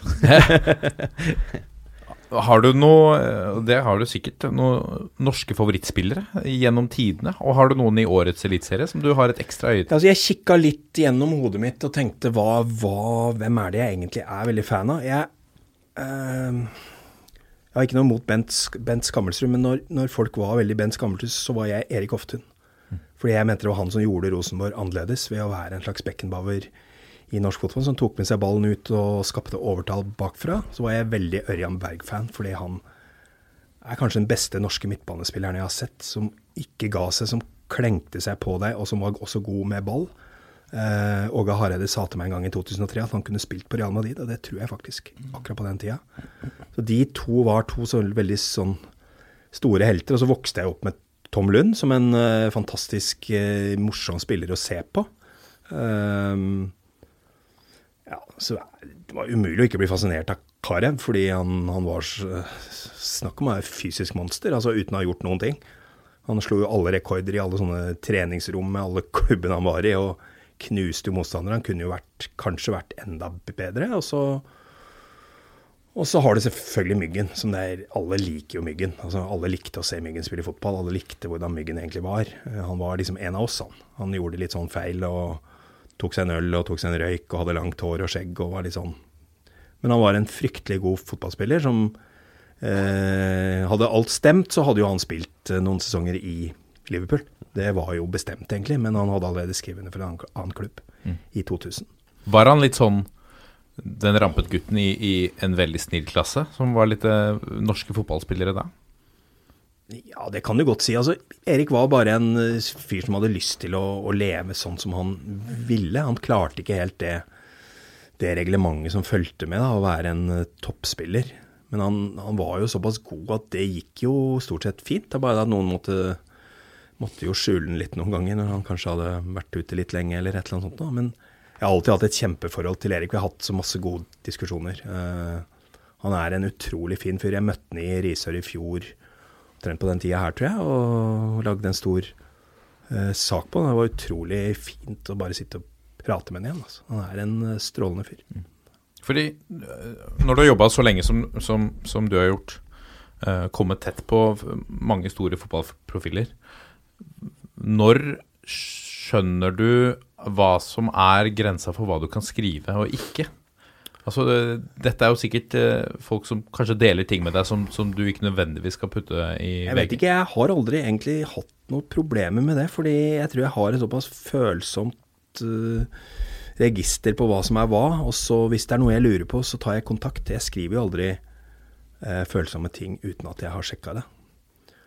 Uh, det kan være du møter folk ute og du sitter og prater, men da er jo avtalen at hvis du vil skrive om noe av det som er sagt, så tar du opp igjen det seinere.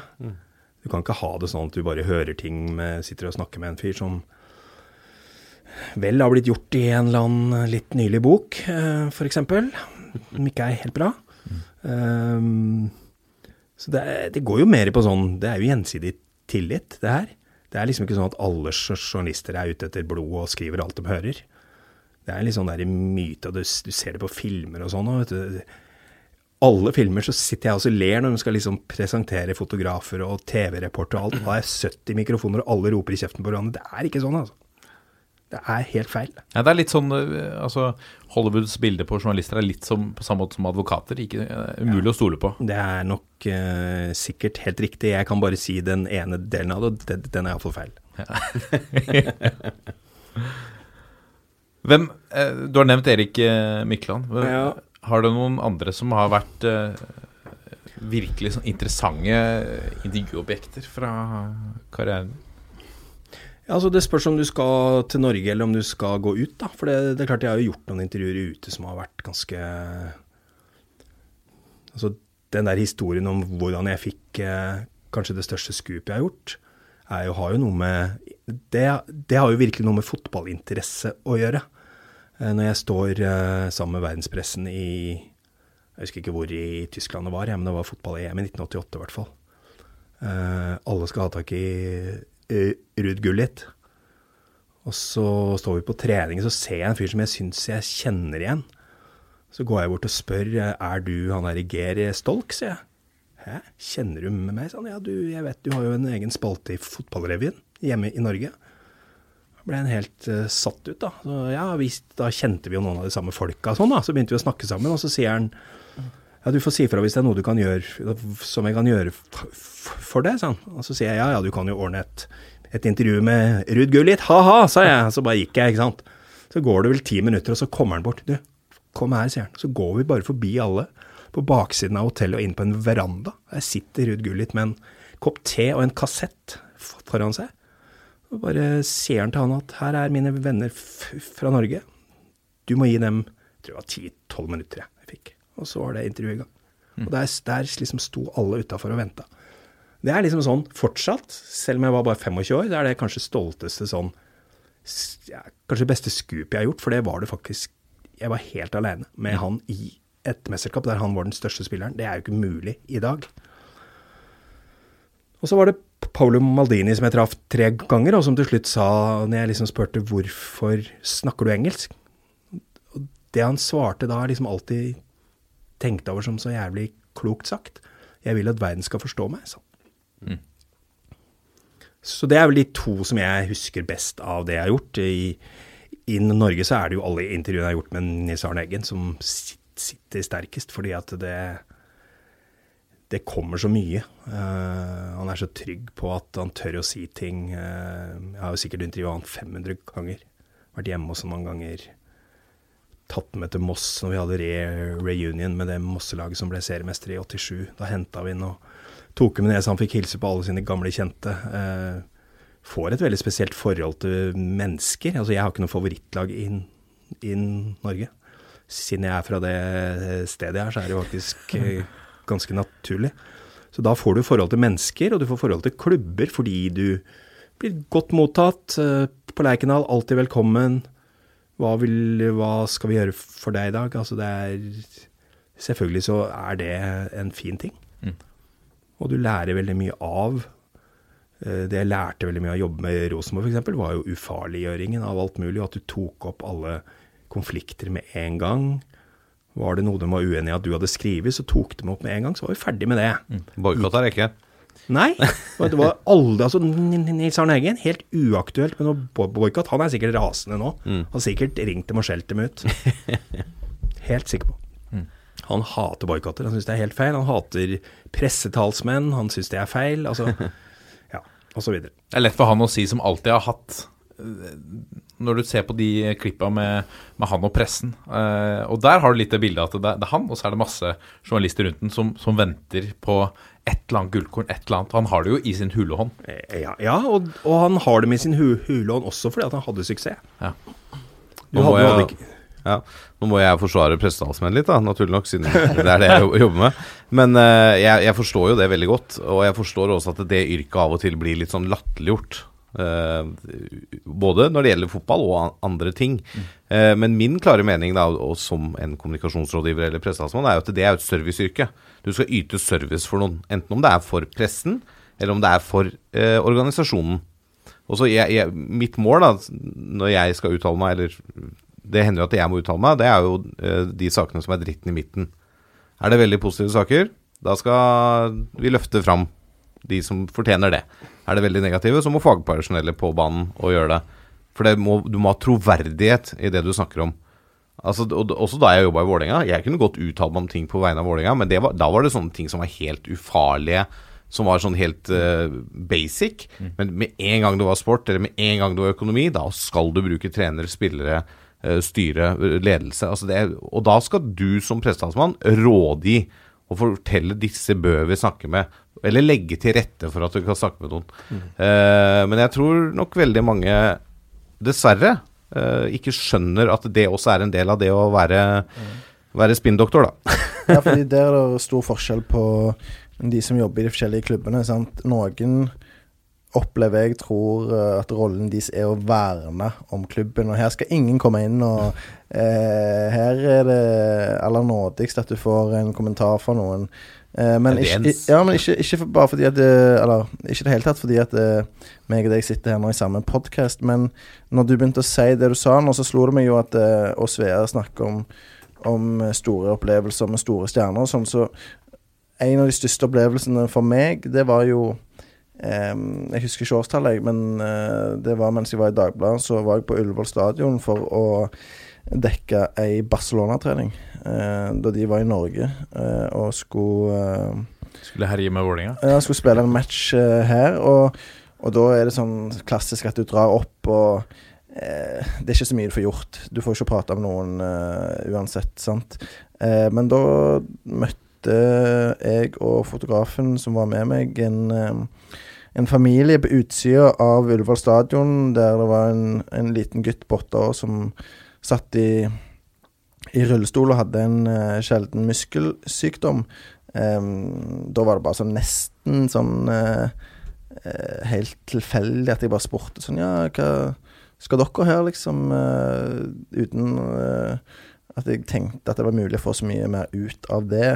Um, men så ja, de skulle inn og se på Messi. Jeg merket jo med en gang at han gutten her da i, i rullestolen som satt med en Barcelona-drakt, var ekstremt genuint eh, opptatt av eh, Messi og, og Barcelona. Så mm, kom vi inn på eh, tribunen, og jeg ser at det, denne gutten og broren følger veldig nøye med, og, og faren står der òg. Og så slår det meg at shit, her er det gjerne mulig til å, å skape et uh, helt spesielt øyeblikk for de, uh, som òg vil være en eh, en sak som vil gi meg mye å skrive, og som, som jeg tror leseren vil uh, sette pris på. Og da kjenner jeg jo ikke Lasse. Jeg tror ikke jeg har hilst på han før engang, men jeg vet jo at han er, er mediemann i Vålerenga. Så spør jeg han, så sier jeg du, jeg har en gutt her som er ekstremt eh, glad i uh, eh, Barcelona. Eh, har du mulighet for å sjekke om vi kan prøve å få til et møte her med Messi etterpå? At han kan komme og, og ta et bilde eller si noe. Og så går han, sånn som jeg opplever det, og, og sjekker med, med Barcelona sin eh, medieavdeling. Og da står jeg, da kjenner jeg jo at det begynner å, å, å boble litt. At det her er det gjerne mulighet for å få til noe, faktisk. Og det vil jo være helt sinnssykt, tenkte jeg, med Messi. Kommer han tilbake, og så har han med seg eh, Barcelona sin sin mann. Jeg vet ikke om det var en, en pressesjef eller, eller hva det var, men det er i hvert fall en, en liten spanjol som virka veldig interessert og spurte meg hva er greia, og så peker jeg på, på denne familien og den gutten og sier er det mulighet for å, å få til noe med Messi. Jeg merker med en gang han er positiv. Og så skjer alt veldig fort. Eh, Han sier ja, vi fikser det. Eh, og så går jeg opp til Henrik, tror jeg han heter, den lille gutten, og spør har du lyst til å treffe Lionel Messi. Og da bare han bare Hæ? Hva, hva snakker du om? Sant? Og ble helt eh, eh, forbausa. Og det er familien òg. Men da Eh, av hjelpen her til Lasse sånn, så fikk vi Eller fikk de et eksklusivt møte med Messi, som kom bort og tok bilde med dem og, og slo av en kort prat eh, i eh, spillertunnelen på Ullevål stadion. Og, og, det var et stort øyeblikk for, for alle involverte, tror jeg. Men, men det er i hvert fall et eksempel på hvordan en eh, mediemann kan eh, gjøre jobben sin på en god måte. Ja, ikke bare redde Martin Andresen ut av eh, Ut av pinlige spørsmål, men også gjøre litt nytte for deg, Lasse. Ja, det, vi prøver jo å gjøre nytte for oss, vi som har det jobber med de tinga her. Og det, jeg husker den saken veldig godt. og Det var jo et, eh, det var et spesielt øyeblikk også for Vålerenga som klubb. For nummer én er at Vålerenga ved hjelp av gode hjelpere klarte å få Barcelona til Oslo. Eh, det, det, kan du si hva du vil om den type kamper, men det er jo noe eget det, når den gjengen kommer. Eh, og når vi da i tillegg klarte å få til det møtet med denne gutten som var bundet til rullestol, åtte år, ikke sant? det jo, skal jo bare være glede og framover, og får den opplevelsen. Eh, det var stort for oss òg, det. Mm. å få, få lov å bivåne det, og faktisk da for jeg må også ærlig innrømme at da jeg gikk bort til Barcelonas mediefolk, som selvfølgelig hadde litt kontakt med og sånn, men det, det, det, er et helt annet nivå, da. Altså De kom med 22 stykker fra medieavdelingen. De har et eget TV-produksjonsselskap, ikke sant. De, Ja, og så er det så mange De får sannsynligvis så mange sånne type Ja. lignende de gjør det ikke sant, hele tida. Så Så kommer Vålerenga med én mediemann og en fotograf, liksom. Det er medieavdelingen vår, da. Eh, Men så er det klart du er litt sånn Ja, du lurte på Nå skal du høre her, og så er Dagbladet med, og så norsk, en av Norges største aviser, og tjo og hei, liksom. Og sånn, ja, nei, men, nei, men det løser vi, liksom. Det var bare med én gang. Og det er gøy, altså, når sånne ting skjer. Veldig. Um, vanskelig å toppe den storyen, men du kan prøve, Svea. Vi har, vi har bedt deg om å sette opp Hva vil du høre? Jeg Jeg tipper du har et par kandidater på lager, men, eh, men eh, vi har bedt deg om å sette opp din fire norske fotballstjerners middag. Ja, det var den, ja. Eh, jeg tenkte ganske godt gjennom det der, for jeg tenkte at eh, det er veldig lett å havne i det opplagte her, da. Eh, for jeg må jo ha, ha med Myggen. Altså, han skaper alltid god stemning. Ja, han er et lite sånn favorittmenneske, så han, han må med. Og så trenger vi noen gode historier, så da tar jeg med Åge Hareide. Han er en mester i å fortelle alt mulig, og alltid godt humør. Det blir alltid mye latter og hygge med han. Og så vil jeg ha med en til slutt som eh, kanskje ikke så mange av dere har hørt om. Roy Amundsen, har dere hørt om han? Ja. Det noen, eh, Roy Amundsen er, eh, var Norges beste keeper. Roy Amundsen eh, ja, endte ikke, men han slo jo ned en, eh, en en dommer og fikk kanskje den lengste karantenen som jeg veit om, i hvert fall. Gjorde faktisk comeback. Han skulle egentlig stått mot England, men dette skjedde vel uka før, tror jeg, eller to uker før. Um, han har jeg alltid hatt lyst til å, å truffet og prata med, fordi han var et sånn multitalent i idrett, og jeg fø, har alltid følt at han har blitt straffa veldig hardt for det han gjorde, og at han kanskje aldri har klart å komme seg helt tilbake, da. Og liksom har litt sånn angst for å stå fram med det der. Så en sånn, eh, en sånn middag med gode venner, så kanskje han hadde gjort det. Så det er de tre jeg hadde valgt. Han, eh, sto han i mål for Norges landslag som andredivisjonsspiller? Eh, Han sto i mål som Han var vel innkalt, hvert fall som det, eller tredjedivisjonsspiller. Ja. Eh, det var han. Eh, han, han spilte jo både ute og sto i mål. Han gikk jo litt frem og tilbake mellom Snøgg, som er fra Notodden, og Start, der han ble seriemester i 78. Eh, han gikk litt sånn frem og tilbake. Han var litt sånn rastløs sjel, men han var fryktelig god i mål. Så han har vel en, jeg husker jeg ikke alt, han har en mellom 15 landskamper eller et eller annet sånt nå. Og skulle da vært den som skulle stått mot England. Som da heller ble da Tore Antonsen, som da fikk sin eh, store fotballkamp og ble kjent fordi at han sto i mål da Norge slo England. Var det, var det for start han slo ned dommeren? Nei, det Nei. var for snøgg. Ja, det var det.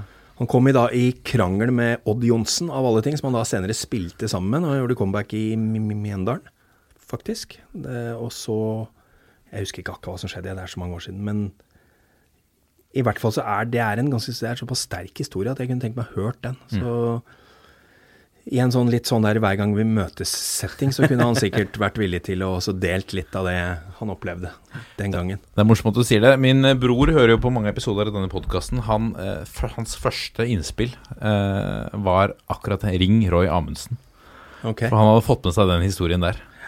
Og da holder det på en måte Det var to ting, og det var spilt for landslaget som i andredivisjon, eller tredjedivisjon, og slått ned dommeren. Og da skjønner du at du Der har du i hvert fall noen minutter å fylle av sendetid. Ja, men, men han, altså jeg, har jo, jeg kjenner jo en som kjenner han veldig godt. Han jobber jo litt med å få snakka med ham og spurt om han ikke kan stille opp, da, for en gangs skyld. Men jeg tror han, har, jeg tror han sliter med, og han vet jo noe av det han må, må, må prate om. Det blir jo unaturlig å ikke, ikke nevne det, selv om du kan snakke om det. Han hadde vel spilte vel til ni eller ti på børsen i en landskamp og var en veldig, veldig god keeper. Så er jo Spilte jo spiss for, for Snøgg noen sesonger og skåret masse mål, så det er klart han var en noen, litt sånn uh, unntak-fotballspiller, da. Men uh, selvfølgelig den der eh, litt vanskelige situasjonen. Og så Han var vel i Thailand og ble sjuk og litt sånn, og så det var noe trøblete greier der. Så han har hatt, hatt det litt vanskelig. Høres ut som vår eh, Jorge Campos eller René Higuita. Jorge Campos var vel også for Mexico. Både spiss Han har vel landskaper spiss. som spiss også. Ja, det vet jeg ikke om han var for landslaget, men han spilte jo i hvert fall spiss hjemme hjemme i toppserien. Ja. ja. Syk type. Så hva, hva, vil du, hva vil du diske opp, da? Er du en eh, er Nei, altså god det, kokk? det er sånn der Det hadde vel blitt eh, Det hadde vel Jeg får si som min sønn sier Pappa, du får lage det du kan, eh, spagetti. og da hadde du vel sikkert endt med det, da. Ja. Spagetti er bra. Eh, Ja, Spagetti med litt eh, ost og litt kjøttsaus og sånn, det er jo, Ja, det er jo fint det, hvis du har noe sånn Klassiker. noe sånn der hvitløksbrød ved siden av, så litt sånt noe En øl eller coca eller et eller annet sånt. Jeg tror noen vil påstå at det er livretten min, faktisk. Det er ikke mye jeg spiser så Nei, men altså, alt bør ikke være så fancy. Men det hadde jeg gjort, for det, det er det jeg kan. Dette er toppfotball. Og så har vi bedt om eh, litt eh, lyttespørsmål, som vi ofte gjør når vi får prominente gjester inn i dette studio. Og da er det ikke så rent sjelden heller at Benjamin Sears melder seg på. Han eh, har sendt oss en mail på toppfotballat451.no og lurer på er det ofte at journalister forveksler byer, ref. Kongsvinger og Kongsberg. Har journalister nå til dags dårligere hukommelse og mindre kunnskap om faget, i og med at informasjonen er så lett tilgjengelig på nettet? Eh, Jeg kan svare på det spørsmålet etterpå, men siden han spør om akkurat de to byene, så kan jeg fortelle en sann historie fra VGs sportsredaksjon. Eh, Vi hadde en sommervikar som da hadde Skulle på Han skulle på Det var eh, akkurat Kongsvinger hadde vel rykka opp, og han skulle dit på kamp. Og så blir han sendt dit, og så plutselig så ringer telefonen på desken, og så, så hører han som sitter der, og så sier han men nå er jeg her i Kongsberg, ja. Her er det ikke noe kamp, sa han.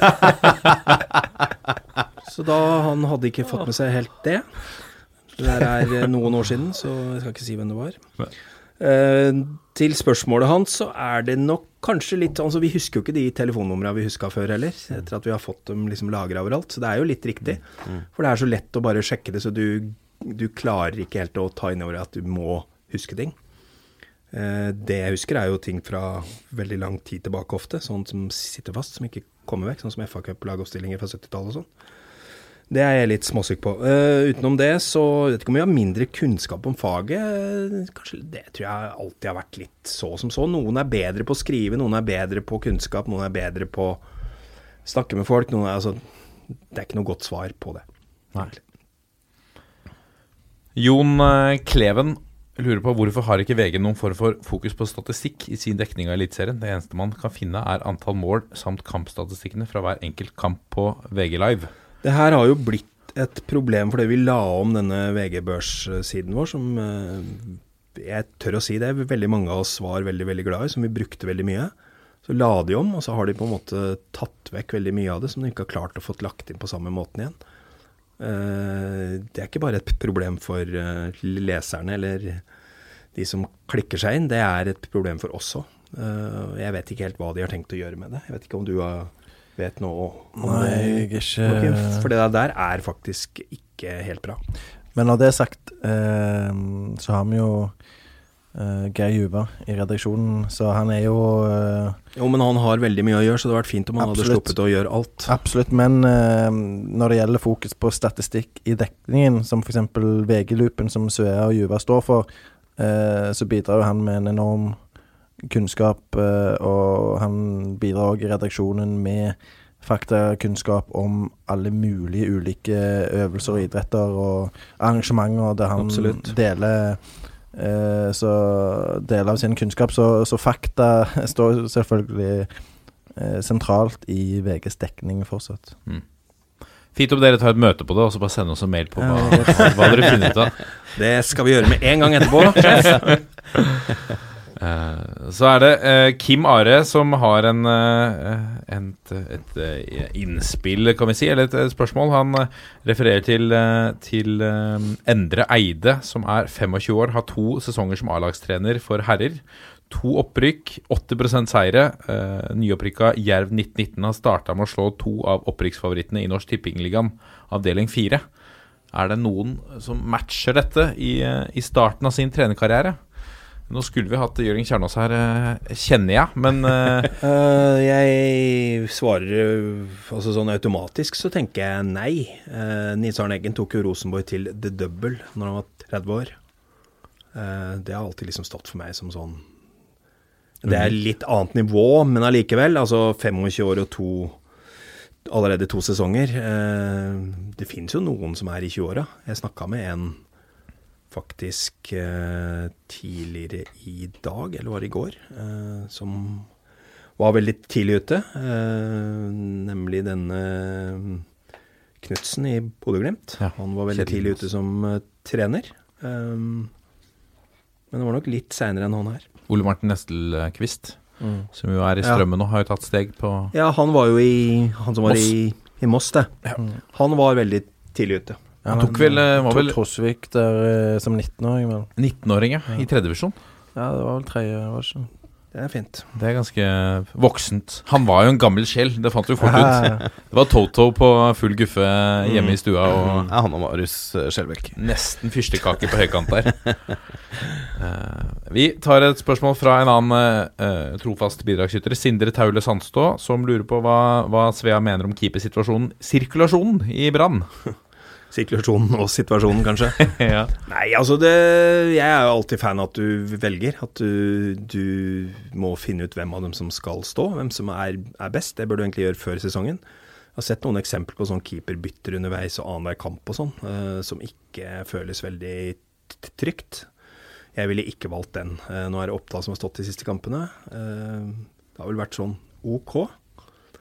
Så de, de skulle jo satse på Altså, de skulle ikke satse på han som førstekeeper i utgangspunktet. Nei, Så hadde han en tabbe nå mot uh, Tromsø, der han gir en retur, så Det er klart det er vanskelig for Nilsen òg. For det, han tenkte jo at eh, Holmen Johansen er bedre med beina, sant? og det har han jo hatt fokus på de siste sesongene, så det det er vrient. Nei, det er ikke noe, det er ikke noe ideell situasjon. Uh, de mista en ganske god keeper, og de har ikke funnet en som har erstatta han. Men er det så at de kommer til å handle i sommer? Jeg kommer an på de neste kampene, for å si det sånn. De Eh, brukte jo ganske mye penger på Holmen Johansen, da. Altså, Ja. De brukte litt penger på han. Ja. Ja, det var jo han som skulle liksom stå det, Nå skulle du virkelig satse. Så er det noe med Jeg er enig med Svea med keepers. eh, Altså Alle andre mm, posisjoner så kan du rullere litt. Og, Ok, du er i dårlig form, sett deg på benken et par ja. kamper, kom i utfordrerposisjon. Keeper, der bør det være fast, altså. Og eh, hvis du kjøper en, en yngre keeper, da fra en klubb som nettopp har rykka ned, og bruker litt penger på han, så la han nå få i hvert fall litt mer enn tre kamper, da, tenker jeg. Til å vise seg fram. Og, og få den tryggheten. For nå vil jo ikke han og Holmen Johansen føle trygghet hvis han blir kasta inn igjen heller. For han, har, han vet at det er tre kamper, det, med litt sånn Det er jo slags- der det ligger, ikke sant? At det der, hvordan, hvordan løser du det når du gjør begge usikre? Ja, det er jo det. Så det er jo det er vanskelig. sånn der Skrekkeksempelet mitt er jo Rosenborg, som da hadde Anders Eggen og Ola By Riise som sto annenhver kamp, og to-tre sesonger omtrent. Men det gikk helt fint mente Nils Arne, da. Ja, ja. Selvfølgelig.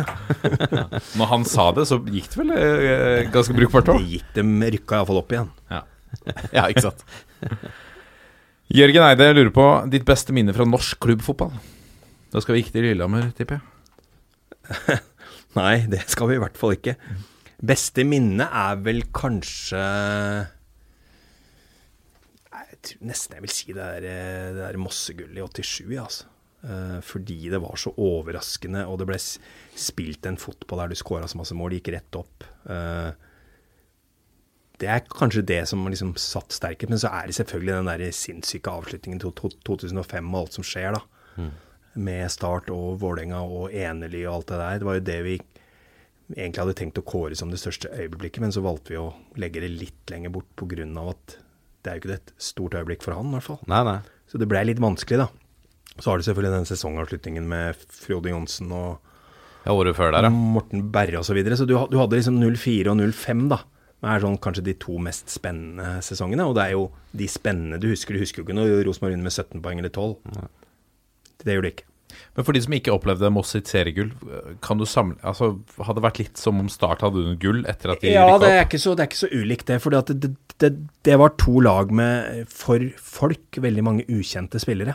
Altså Moss hadde tre rutinerte spillere som hadde vært med på å vinne cupgull i 81, vel. Og så eh, kommer Nils Arne Eggen dit, eh, tar dem opp ved å finne et par-tre lokale spillere som han, han hadde sansen for, men som ingen andre hadde sett.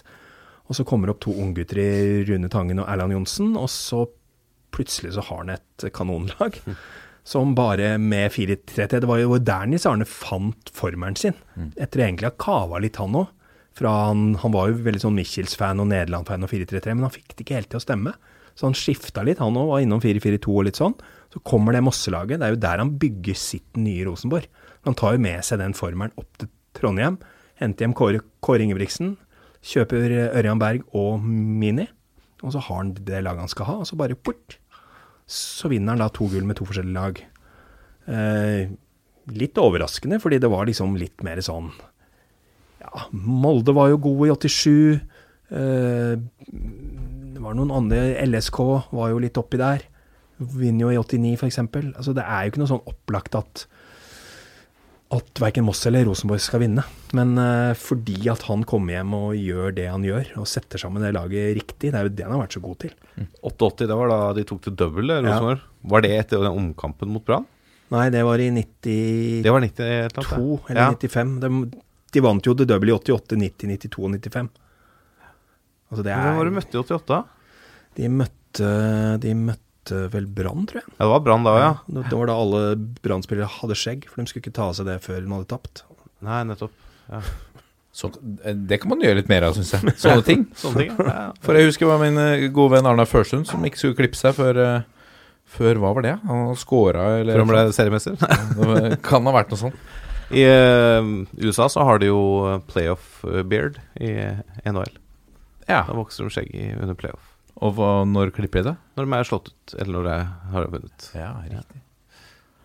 Det skjer. Eller Bjørn- det skjedde i hvert fall. Vi tar et siste spørsmål. Det er fra Bjørn Rudshagen. Han lurer på hvilke grammatikkfeil irriterer du mest. Og der skal jeg ta fram en som du påpekte med, til meg i stad, hvor jeg sa eh, 'lukke opp døra', og da sa 'det kan du ikke si', sa du. Jo, du, du kan jo gjerne si det, men det er jo helt feil. Ja, det er feil. Det er umulig å lukke opp noe. Ja. Men den som kanskje irriterer meg mest sånn generelt sett, det er alle disse doblingene. At folk sier to tvillinger og starte opp og, og øh, begge to og sånn. For det er helt unødvendig. Det, det, det holder jo med begge.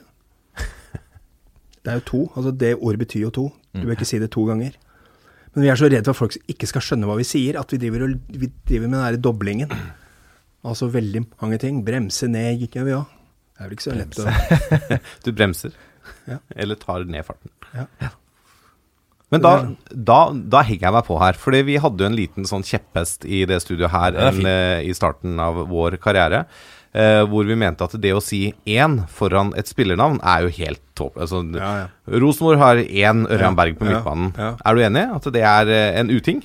Ja, altså det er jo Hvis det da ikke er to som har likt navn, så er jo det helt feil. Og det er jo veldig sjelden. Da. Jeg skjønner jo da hvis, Troms, nei, hvis Godset henter Markus Pedersen fra Tromsø, Ja. at du må si de har én Markus Pedersen på topp og én på kanten. Ja.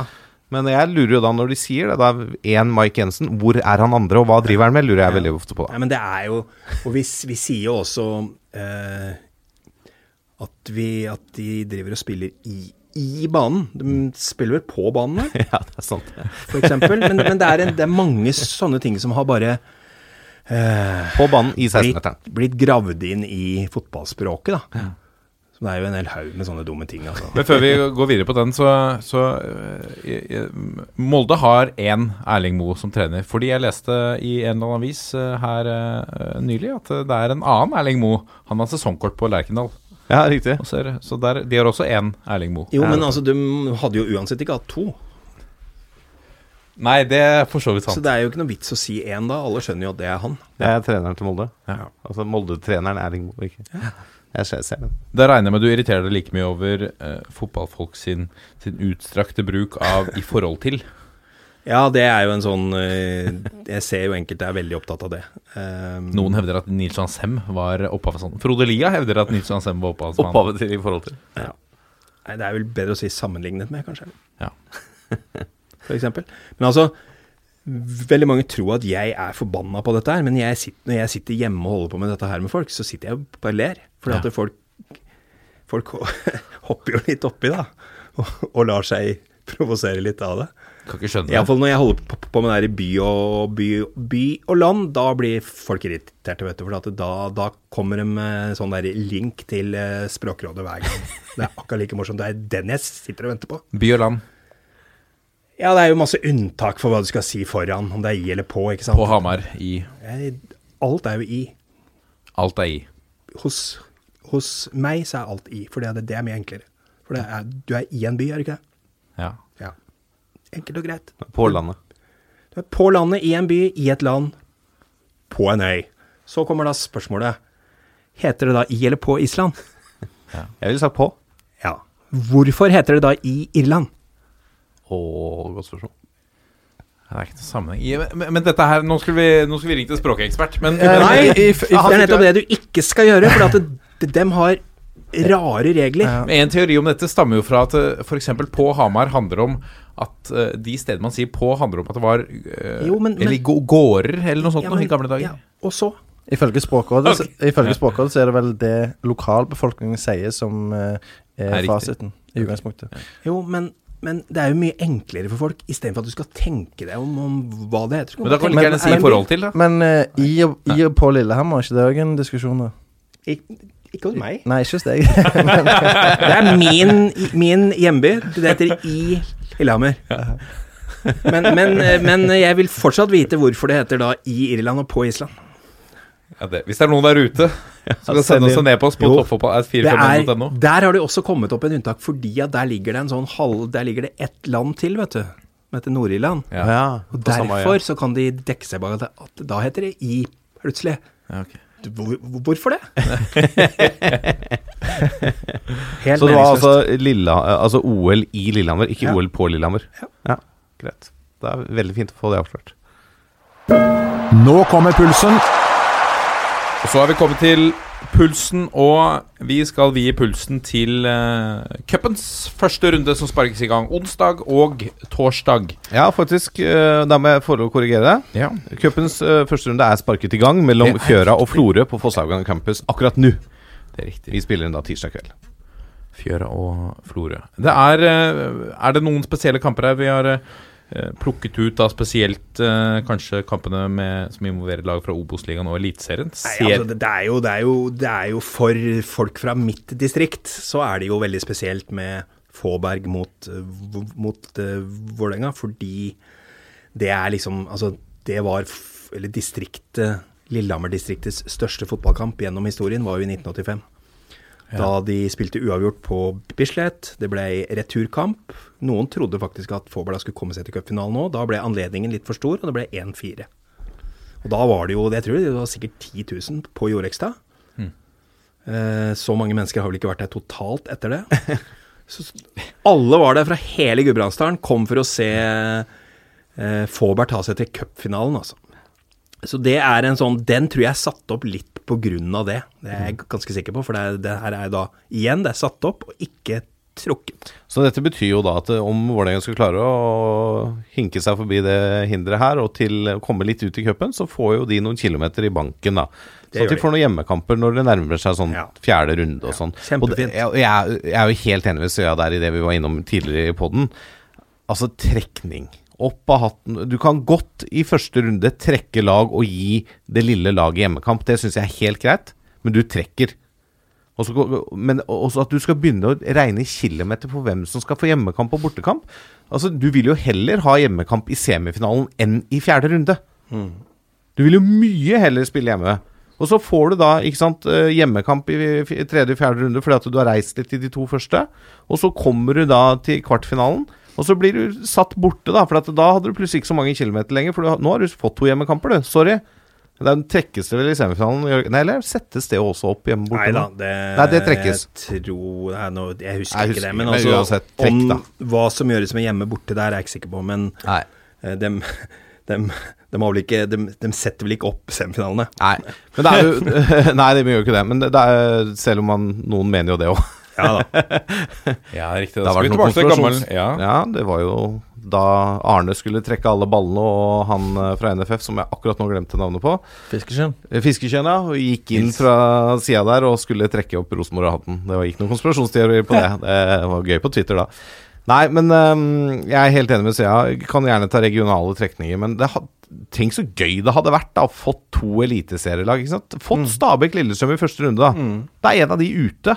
Og så kan da et tredjedivisjonslag kanskje komme seg til tredje, fjerde, femte runde. Det er da en haug med eksempler fra England der du har hatt uh, City mot United i, i, altså, i den runden som de kommer inn, da, som stort sett er tredje runde i FA-cupen. Men syns du det er en bra løsning også, at eliteserielagene kommer inn i tredje runde?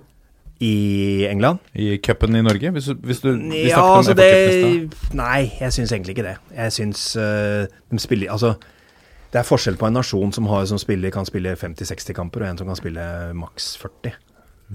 Ja, jeg er helt enig. Det har ikke noe med Altså, vi må jo kunne spille litt i det landet her òg. Nå hadde jo Før sesongen så spilte da Sarpsborg 13 treningskamper. Altså nesten en halv sesong ekstra. Ja. Det forteller litt om hva, hva vi holder på med her. Ja, det, jeg er helt enig. Vi får dem mye i første runde. Men det er jo klart, det er jo noen morsomme kamper her, da.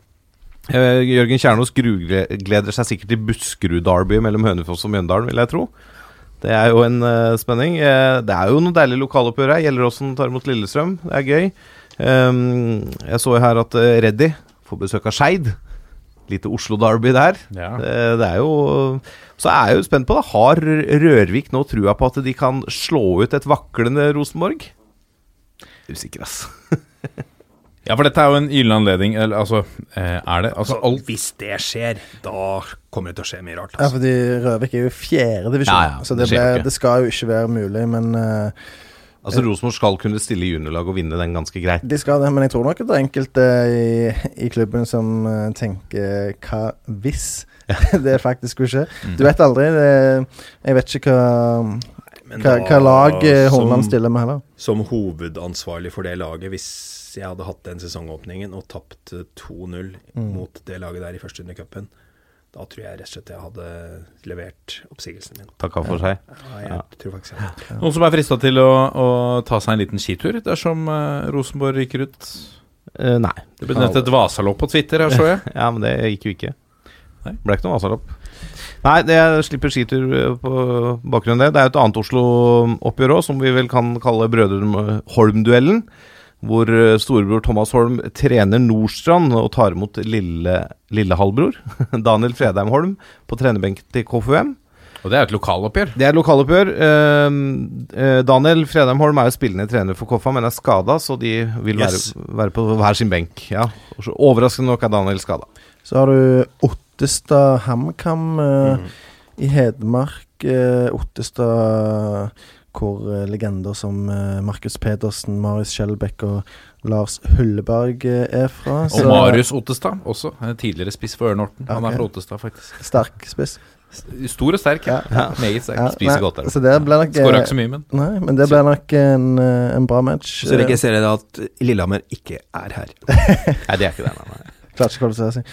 Men eh, Ja, så har du òg Frøyland Viking, eh, hvor eh, brødrene Berntsen møtes til trenerduell. eh, som et spesielt oppgjør etter at eh, det var litt eh, Jeg hadde da en samtale med de to i dag. Den, Ja. det, det var egentlig jævlig morsomt.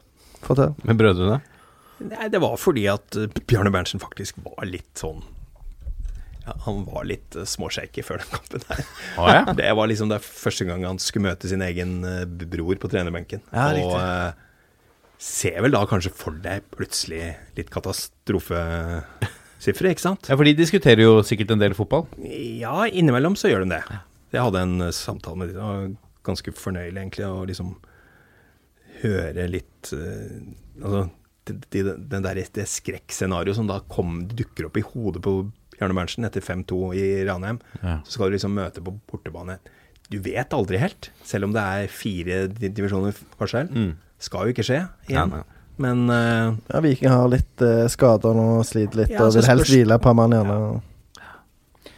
Så er det eh, Nybergsund da, som tar imot Kongsvinger. Det er også eh, skogenes oppgjør eh, oppi der, må vi kunne Ja, si. det er jo svens svenskegrense-derby. Ja. det er jo Og så er det jo en kamp nede i Østfold som det er Jeg føler det er litt historisk sus over, og det er jo både litt gøy og litt trist. Sparta Sarpsborg tar imot FFK.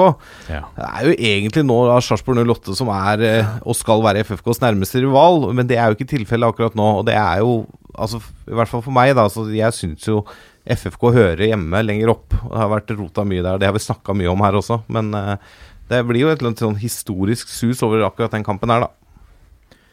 Stryn tar imot uh, Sogndal. Det er jo uh, også et uh, oppgjør hvor det har gått mye spillere frem og tilbake. Ja, det har vært noen spillere i begge de klubbene opp gjennom åra. Norild Tromsø. Det er vel, er vel noen Norild-spillere som har ikledd seg TIL-drakta opp gjennom tiden nå, tror jeg. Morten Gams Pedersen er vel fra Norild, er det ikke? Ja, mener det. den største sensasjonen her, hvis det hadde skjedd, er jo at Molde taper for Eide omegn. Eide omegn, tenk hva heter det? Eide omegn fotballklubb. Ja. Det heter dem. Og der, hvis, hvis det hadde skjedd, som sannsynligvis ikke skjer Nei, Jeg får si som eh, broren til Bjarne Berntsen, med det, da det fine navnet Alf Yngve. Det er sikkert en kombinasjon mellom Yngve Bø og Nei, Alf Yngve. Alf. Det er altså en kombinasjon mellom Alf Inge, Inge Haaland og Yngve Bø. Han. Han sa til meg at det er Jeg vil ikke si at det er 0 sjanse for at vi går videre, men det er under én. Ja, ikke sant. 0, et eller annet. Ja. Fest på Østre Toten kunstgressbane når Toten tar imot Raufoss. Det er jo også et eh, et, eh, et spennende oppgjør. Ja. Um, ellers er det andre ting. Det er jo et eh, Vestfold-derby mellom FK Tønsberg og Sandefjord Fotball. To sammenslåingsklubber med ganske ulik historie og grad av suksess. Mm. Til glede for enkelte. Um, Oppsal og, og Ullern er et annet uh, Oslo uh, Oslo-derby. Ja. Nei, altså jeg tenker jo her at det er jo såpass mye Altså, cupen er jo gøy, og det er klart de største festene blir der eliteserie og de beste Obos-lagene kommer, men eh, er du litt glad i ball i morgen og har tid og mulighet, så kom deg på en av disse stadionene da, eh, rundt om i det ganske land og se litt eh, deilig norsk fotball. Eh, Det, det kommer jo noen overraskelser her. Det kommer jo til å være et fjerdedivisjonslag som kan slå ut et andredivisjonslag ah, ja, ja. osv. Jeg tror ikke noen av eliteserielagene ryker nå i denne runden her. Men det kan være noen som sliter litt og nærmer seg en ekstraomgang eller to. Eller at de skårer avgjørende mål veldig sent. Og det kan også være noen Obos-lag som roter lite grann. Det har jo skjedd før. Ja. Cupen er eh, tilbake, og det er vi glad for, med all den sjarm og, og spenning etter hvert som, som følger der. Eh, Kanskje, som dere er inne på, at vi får eh, bombene først i, i noen av de neste rundene. Det kommer jo alltid igjen.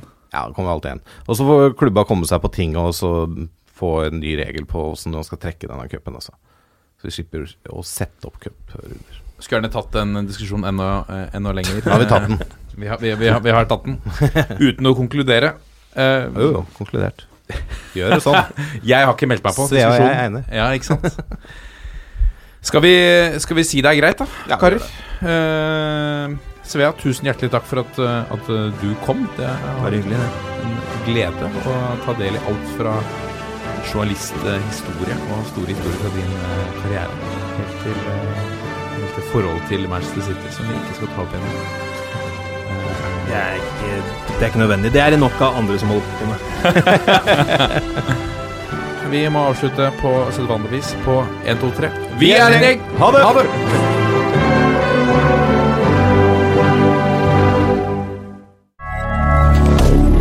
Moderne media.